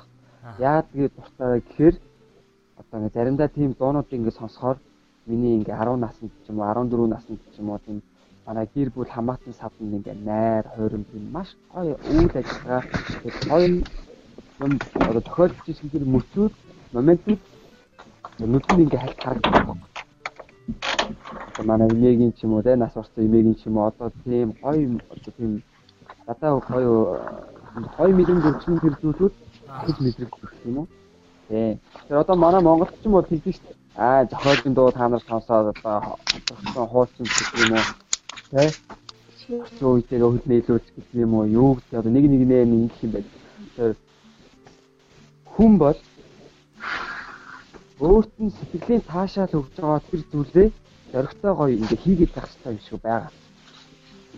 Тийм. Тэрийг ингээд юу чамд гоё санагдаад ингээд гоё юмнууд ингээ байна. Тэргээ хийгээд. Одоо би бол одоо ингээ зохиолын дуу ч юм уу тайм хийсэл ч юм уу ингээ аюу гоё яа сонсох. Яа одоо гоё санагдаж. Тэр одоо дуунуудын тэр үг нь аюу гоё байгаа. дүүхтэй. Тийм учраас тустай одоо төрлийнхөө хөгжим, тустай төрлийнхөө бүжиг тэ тустай төрлийнхөө номыг бол бодсоо ингээд уншаад хийгээ. Энэ чинь бол үнэхээр баярлалаа. Тэр бол үнэхээр мондог аюу гоё хэмээнүүсээ тэгээд байнгын гоё тоглуулад тасралтгүйгээр тоглуулаарай гэж ерөөмөр. Баярлалаа. Баярлалаа. Яас энэ бэлгүүнэд амар баярлалаа. Яа тэгвэл ингээд өөрийнхөө бас ингээд гоё энэ подкастаа хийгээд өөрөө бас тайфа авлаа. Тэгээ хажуугаар нь энэ подкаст ингээд сонсож байгаа айгүй бол өсвөр насны хүүхдүүд, оюутнууд, залуучууд, үеийнхэнтэй бас нэг гоё а сэтгэлд нь гоё ад жаргалын тийм цацраг бэлгэлж байгаа байхгүй. Энэ чинь бас амар буянтай гоё байгаа байхгүй. Тэгээ энийг бас ингээд байнгын хийгээд байгаа нь бэлгүүнээд бас амар аавчтай сайн чанар байна. За маш баярлалаа. За орой минь төр. Орой минь. За өөрийгөө танилцуулноо. За сайн мэцгоноо намайг мөнх тонглог гэдэг. Аа би одоо 11 дэх ангид сурдаг. Аа хойл сахиулахын ахлах сургууль сурж байгаа энэ жилээс. Тэгээд Яола цэгэмээс сэтгүүлч хийдэг байгаа. Нэг иймэрхүү. За мөнх тонглогийн хувьд манай энэ зун зохион байгуулсан Ямин амьдараа ивент волонтер хийж бидэд маш их том тус өргөсөн ийм охин байгаа тийм ээ. Аа намайг орж ингээд хүлэн зөвшөөрсөнд маш баярлаа. За энэ 7 хоног нь хэрхэн өнгөрөв сонин сайхнаа хаалцвал. Энэ 7 хоног айгүй хүндхэн өнгөрлөө. Учир нь шин сургуульд ороо тэгээ шин зүйлс мэдэж аваад айгүй ингээд бүгд ингээд шин олсон болохоор амар хүндээсэн. Тэгээд айгүй их даалгавар хичээлтэй байсан болохоор. За мөнх тонглог маань юу чатан дээр лайв чатан дээр асуулт асуусан байсан те. Тэр асуулт нь юу байсан гэдгээ сануулвал. Аа та нар ингээд өөрсдийнхөө амьдрал тохиолдсон ингээд хэцүү зүйл тэгээд тэрийг хэрхэн яаж давж гарсан мөн дээрээс нь ямар асуудал тулгарч ийсэн тэгээд тэр нь тэрнээс юу суралцаж авсан гэдгийг хуваалцаач гэхээ. За. За энэ асуултанд би Юкаг хариулааг утсан байгаа учраас төрүүлж хариулаасаа гэж хүсэж байна. За хэцүү тохиолдсон зүйл миний хувьд гэх юм бол мэдээж янз бүрийн асуудал байгаа. Гэхдээ а нэг зүйлийг ярьсан дээр авч бодож байна. За тэр тэрний юу гэхээр а 2017 16 онд би нэг мэдээж ингээд багасаа л аягүй гадагшаа сурахыг аягүй хүсдэг байсан. Аа гадаад хэл сурмаар байна гэж аягүй хүсдэг байсан. Тэгээд янз бүрийн одоо тэтгэлгүүд рүү аягүй аплайддаг байсан.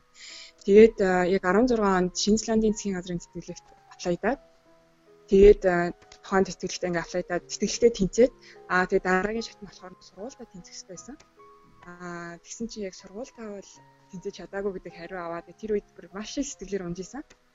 Аа Яагаад гэх юм бол яг ингээл нөтдөгтэй тэнцчлээ гэхээр за би ингээл явчихж байгаа мэн гэж яг өөрийгөө бодож байгаа байхгүй юу. Тэгэл бүр ингээл догтлол бараг л ингээл юм хумаа бараг хэлтэл хэлжсэн чи яг сургуулаасаа ингээд тэнцээгүү гэсэн хариу аваад бүр ингээд бүр ингээд гахаад яг ажил дээрээ сууж исэн. Тэгээ бүр уйлаа. Шууд нэлбэс хэлэгнэл уйлаа л хэлжсэн. Тэгээд тохоо хэд бол мэдээж ингээд зөндөө ингээд бэлдээд ингээд өдөржил явчаад яг явахын даваан дээр ингээд явж чадаагүй дэ аягүй харамсаж исэн.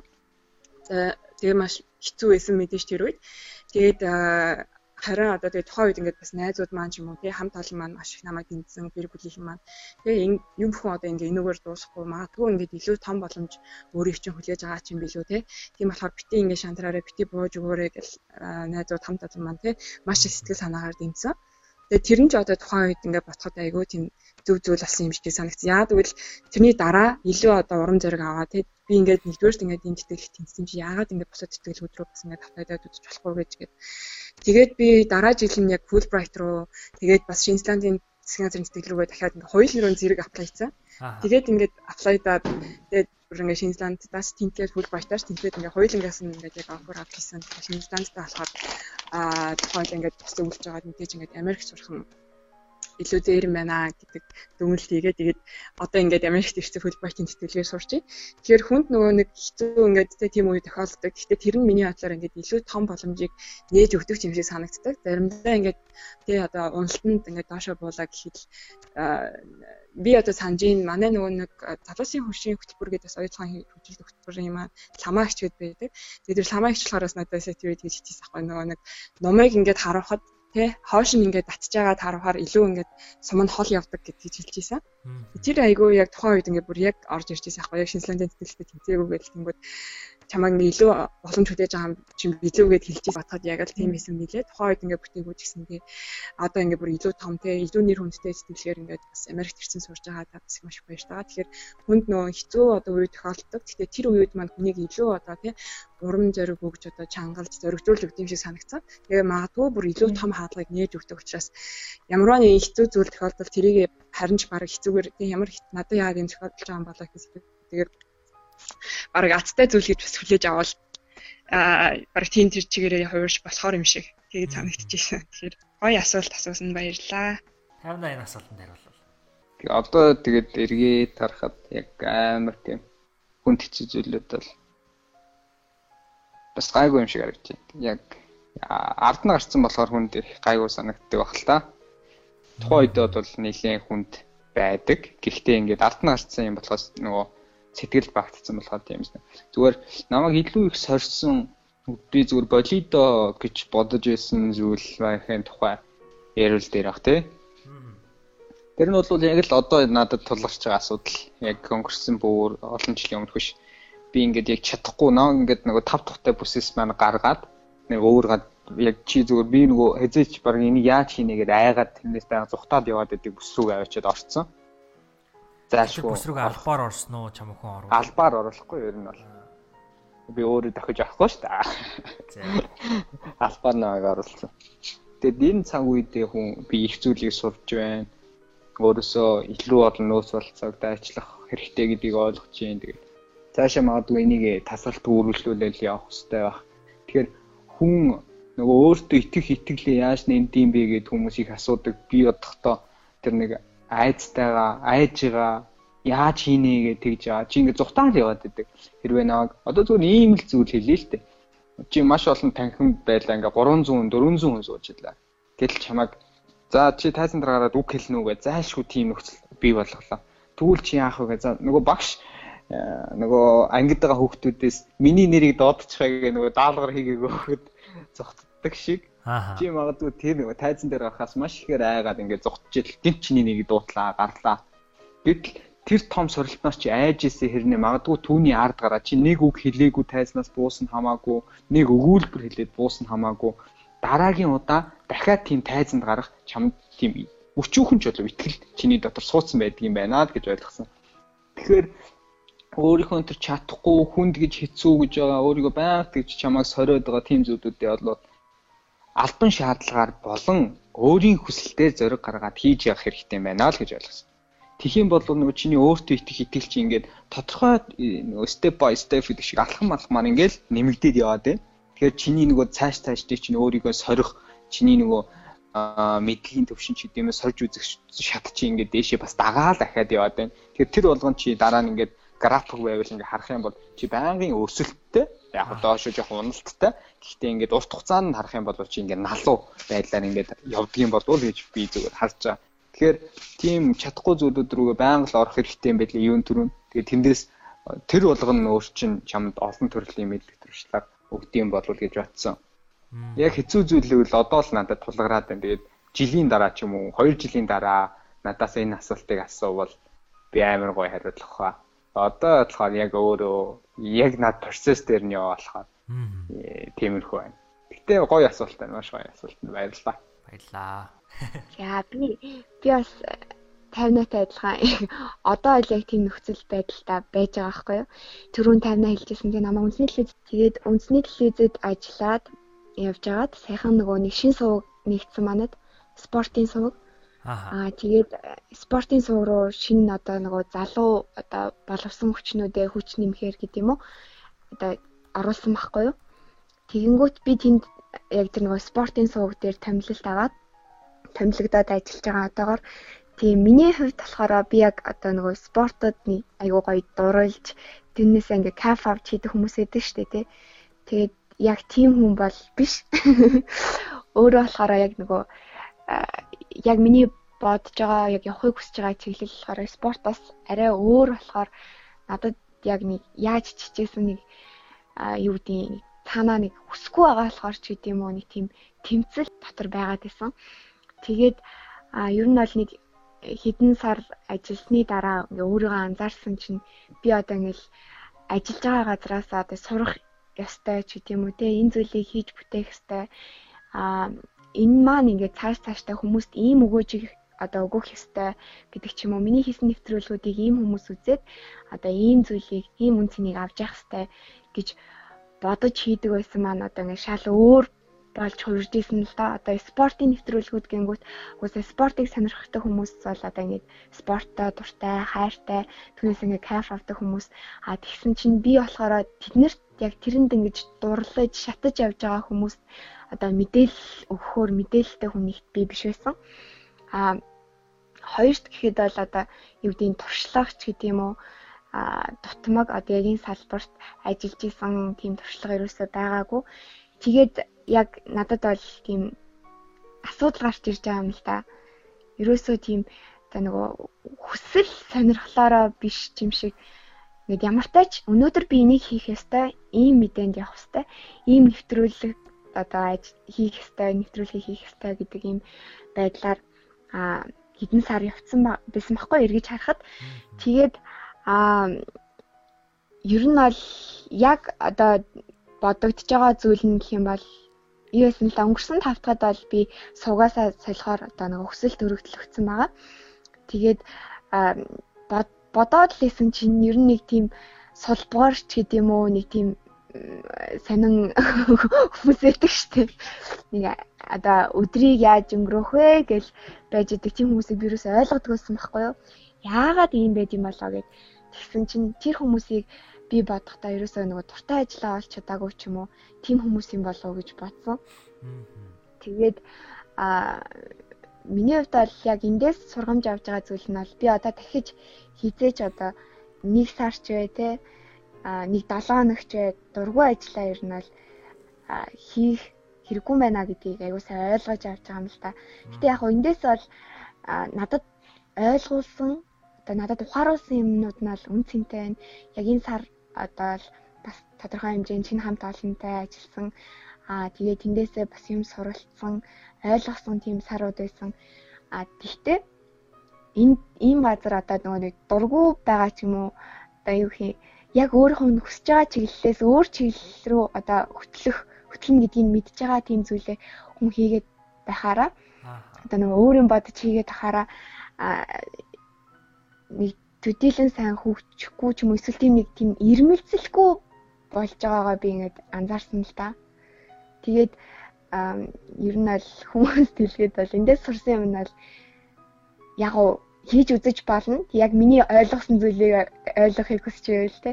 Яг өөрийнхөө нөгөө хойд тархин дээрээ ойлгохыг хүсэж байвал хийж болно. А тэрнээс биш удаан хугацаагаар ингээд явах нь бол буруу юм байна гэдгийг амар сайн ойлгож авсан. Тийм тэгээ бүр нөгөө өөрийгөө алтчдаг юм шиг санагдсан л да зарим хүмүүс тэгж явж байгаа. Тийм тэгээд ямар тач ямар нэгэн зүйл хийх хэрэгтэй хэрвээ чамд нөгөө таалагдахгүй байгаа бол ямар нэг юм арай л өөр байх хэрэгтэй юм шиг санагдчихвэл чи ямар нэгэн зүйлийг өөрчлөх л ёстой гэсэн үг. Тэгэхээр өөртөө халахам хийгээд үзээрэй. Тийм тэгж хэлмээр байна. Би ямар тач эхний халахмаа хийцэн өнгөрсөн 7 хоногт Тийм тийм байна. За маш гайхалтай хариулт өгсөн Оюка 58 ихчин 3 та баярлалаа. Мөнх тонголын сэтгэгдэл юу байна? Ямар байна? Аа, хэр сонирхолтой хариултууд байлаа. Тэгээд бас сурч мэдэрүү зүйлүүд байлаа сая. Тийм тэгээд би бас нөгөө сая саяхан ихчин ихчийг хэлснээр болохоор би бас нэг зүйл яах нэг зүйлийг туршиж үзэх гэсэн боловч жоохон айцаасаа болоод туршиж үзээгүй Тэгээд одоо болохоор ингээд амар гоё ингээд тэрийг туршиж үзмээр санагдаа тэр зүйлийг хиймээр санагдлаа. За. Баярлаа. За. Тэгээд за юм түрүүнд оюкагаас барилаа гэж хэлхэн зүйтэй байх. Өөр толбогдоогүй чи ингээд гинт нэвтрүүлэг хийх боллоо гэдэг 2 минутын гинт толгомдод Америкт өглөө болж байгаа шүү дээ. Дөнгөж болсон гут нь гинтийн дуудлага хийсэн дуучлаарай битэрийн зүгээс Гэхдээ э, ямар ч сан амар завгүй цаг үеийн хажуугаад энэ нэг 40 минут цагийг битээр засуул зарцуулсанд маш их баярлалаа. Тэгээд тодорхой хэмжээр маш олон хүмүүст хэрэг болох уц яриа, урам зориг өгсөн яриа болж чадсан байхаа гэж бодож байна. Тэгээд аа яг яг энэ мэтрүүлэгтэй холбоотой ингээд оролцсон сэтгэлийг ингээд бүгдийг базаад ингээд нэг сэтгэлээ хэлээд хэлнэ үү гэж хүсэж байна. За за за ямар ч байсан баярлалаа. Бас ийм тий одоо яг өөрсдийнхөө өөртөө хийж байгаа энэ контенттэй уурж оролцуулаад хэдийгээр гинтийн байсан ч гэсэндээ бас тийм манад одоо бүтэн сайн өдрийн өглөө болж юм тэгээд өглөөг маань бас ийм гоё гэрэл гэгээдээ эхлүүлж өгсөнд баярлалаа. Тэгээ миний хувьд бол бас мэдээж сонирхолтой ярьцлага боллоо. Бусад хүмүүсийн яриаг сонслоо. Тэгээ анх удаа иймэрхүү юмд бас орж үзлээ. Сонирхолтой байд юм байна. Тэгээд аа тодорхой хэмжээгээр бас өөртөө ч гэсэн мэдлэг олж авлаа. Бас бусдад бас тодорхой хэмжээний жохон ч гэсэн мэдээлэл өгч чадсан болов уу гэж найдаж байна. Тэгээд бүгдд нь амжилт хүсье. Тэгээд ийм одоо тий бусдад хэрэгтэй, нийгэмдээ хэрэгтэй зүйлийг хийж байгаа бас тайвнаа зогт бүлгүүн дээр хоёртоо баярлалаа. Тэгээд цаашдынхаа ажил амжилт хүсье. За баярлалаа, баяртай. Маш их баярлалаа. Өдрийг сайхан өнгөрөөгөөрэй. За. За дараагийн бас хөндөц чи маа нэг чи манаа тэгээд амралтын өдөр орой аа унтах цагийг хомслоод бас залгасан найзаа уучлаарай. Ямар ч гэсэн битээр юм гинтийн урилгыг хүлээж аваад гинтийн дуудлагыг хүлээж аваад яг ингээд үнэндээ бол хэцүү л дээ. Юунд ороод ирсэн мэддэг гинт оруулж ингээд ийм ийм яа тийм асуулт асуулаа гэд. Жаа бүдүүлгээс бүдүүлэг зан гаргасан байж магадгүй битээ. Гэхдээ бол энэ удаагийн дугаар маань нэлээд сонирхолтой энэ дугаарт маань өнгө нэмж өгсөн зочингийн зочны нэг хэсэг нь ингэчин байсан байх гэдэгт би бол найдаж байна. Тэгээд аа яг энэ гинтийн дугаарт орсон сэтгэлээ их чи ингээ хаваалцаасаа гэж хүсэж байна. За ямар ч тач би баяртай байна. Тий бүр эхнээс нь хамт байсан ч болоосаа гэж бодож байна. Тэгээд урьж оролцуулсанд баярлалаа. Тэгээд түрүүнд нөгөө айжсэн юм аа одоо нөгөө хийх зоригтой боллоо гэж түрүүнд нэг асуулт асуусан хүмүүс маань хэлсэн шүү дээ тий. Тэгээд би тэрэн дээр яг хизээч бити одоо айгаараа хийх гэж байгаа хийхийг хүссэн зүйлээ хийхээсээ хэзээ битээ яагаараа гэж хэлмээр байна. Уусаа хүн нөгөө хийгээд алдчихсан, хийгээд бүтлгүүдчихсэн юмдаа тийм ч харамсдаггүй шүү дээ.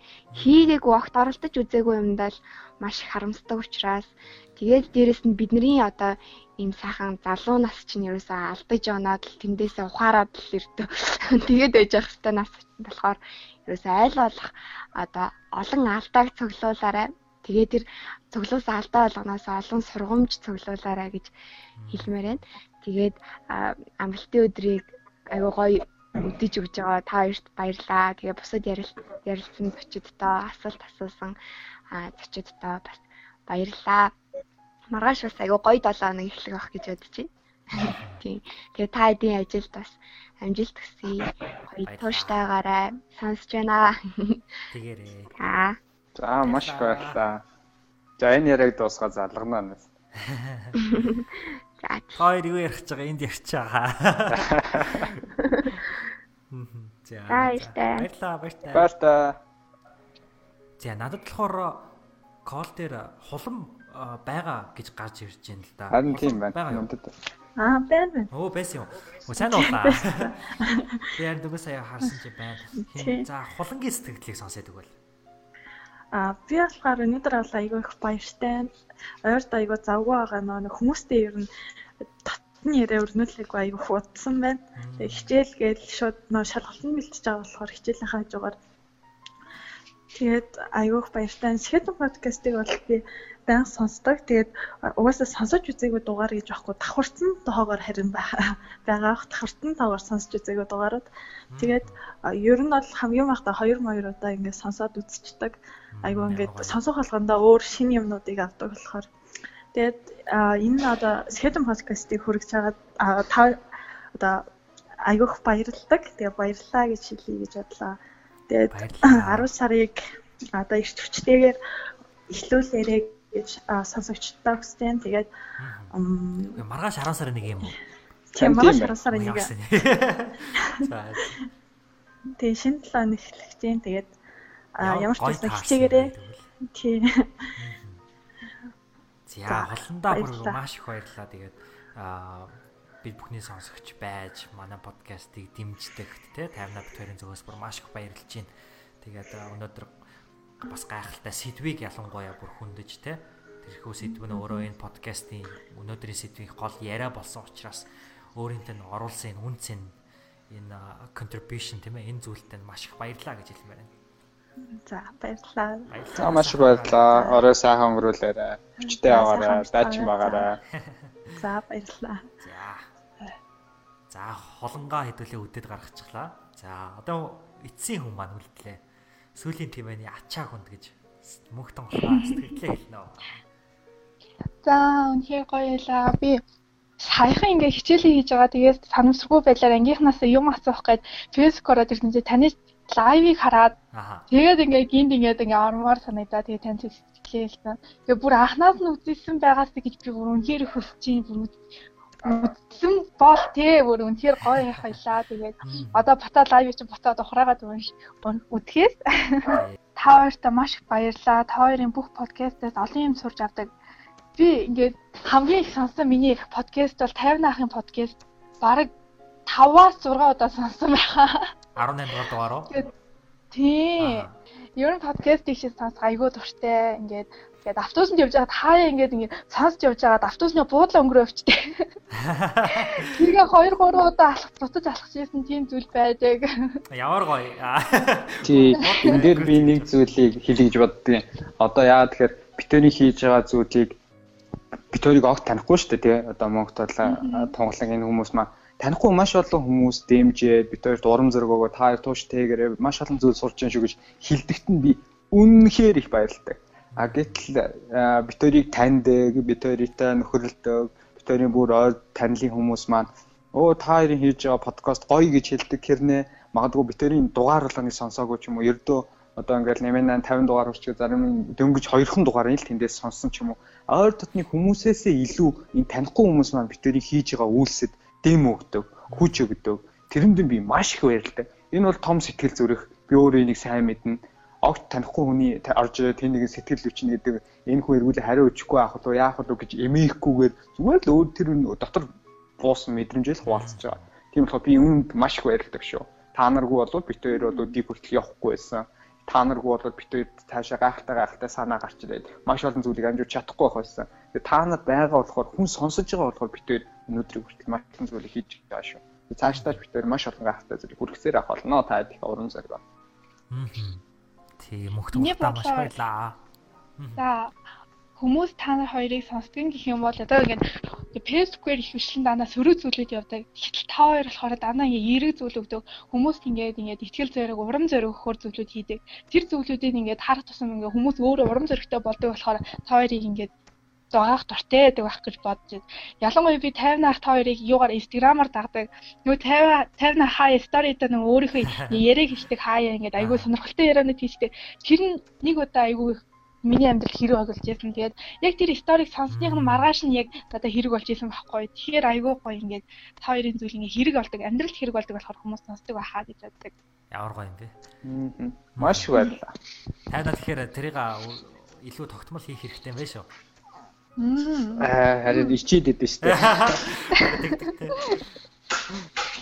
Зөндөө гаргамаар өөр өөр төрлийн контентуудын санаа байна. Гэтэ айгуус нь ичдэг бас контентууд байна л да. Тий.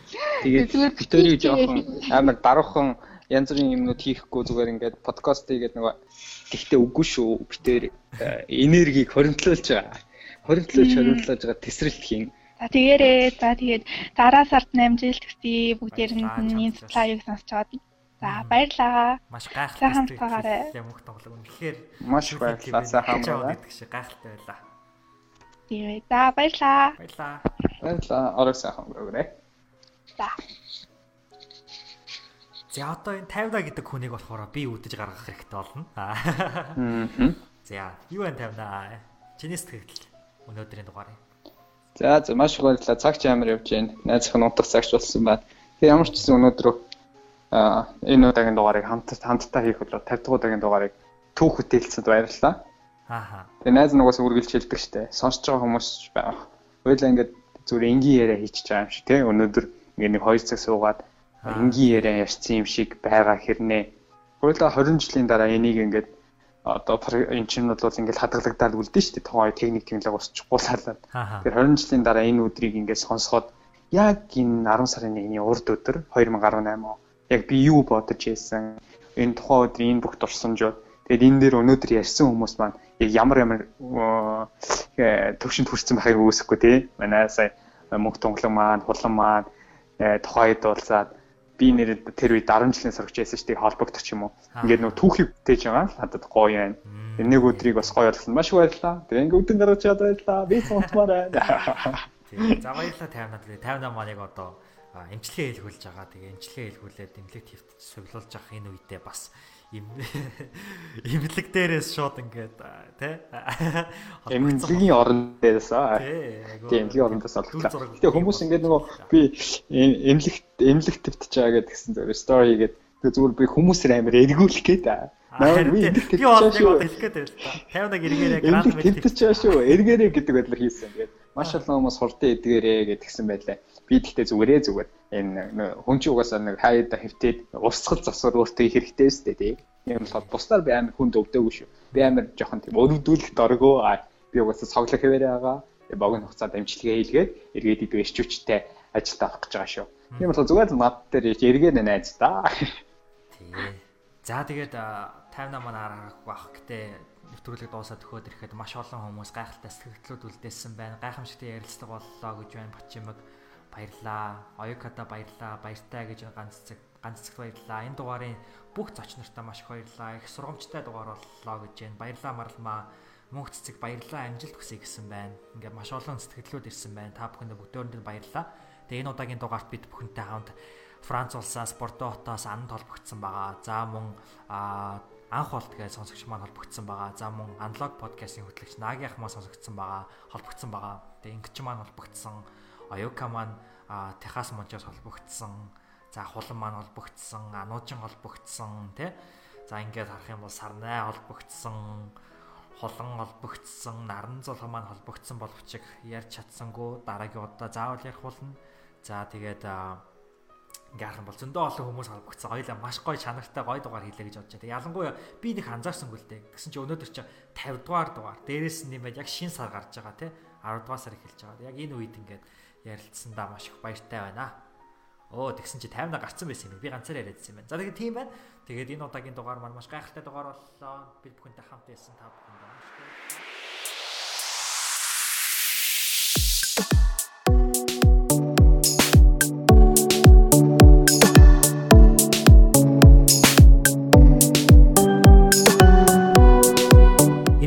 Яминэн подкастын маань 50 дугаар дугаар өндөрлөж байна. Та бүхэнд бид бүхний манай 11-ийн хийж бичсэн энэ хүү дугаар маш их таалагдсан гэдэгт би итгэлтэй байна. Манай дугаар хэрвээ тань таалагдсан бол хэрвээ манай подкастын таалагддаг бол сэтгэлдээ үлдээхээ битгий мартаарай. Хэрвээ та үүнийг iTunes, аль эсвэл Apple Podcast-ээр сонсож байгаа бол бид бүхэнд 5 од өгөө битгий мартаарай.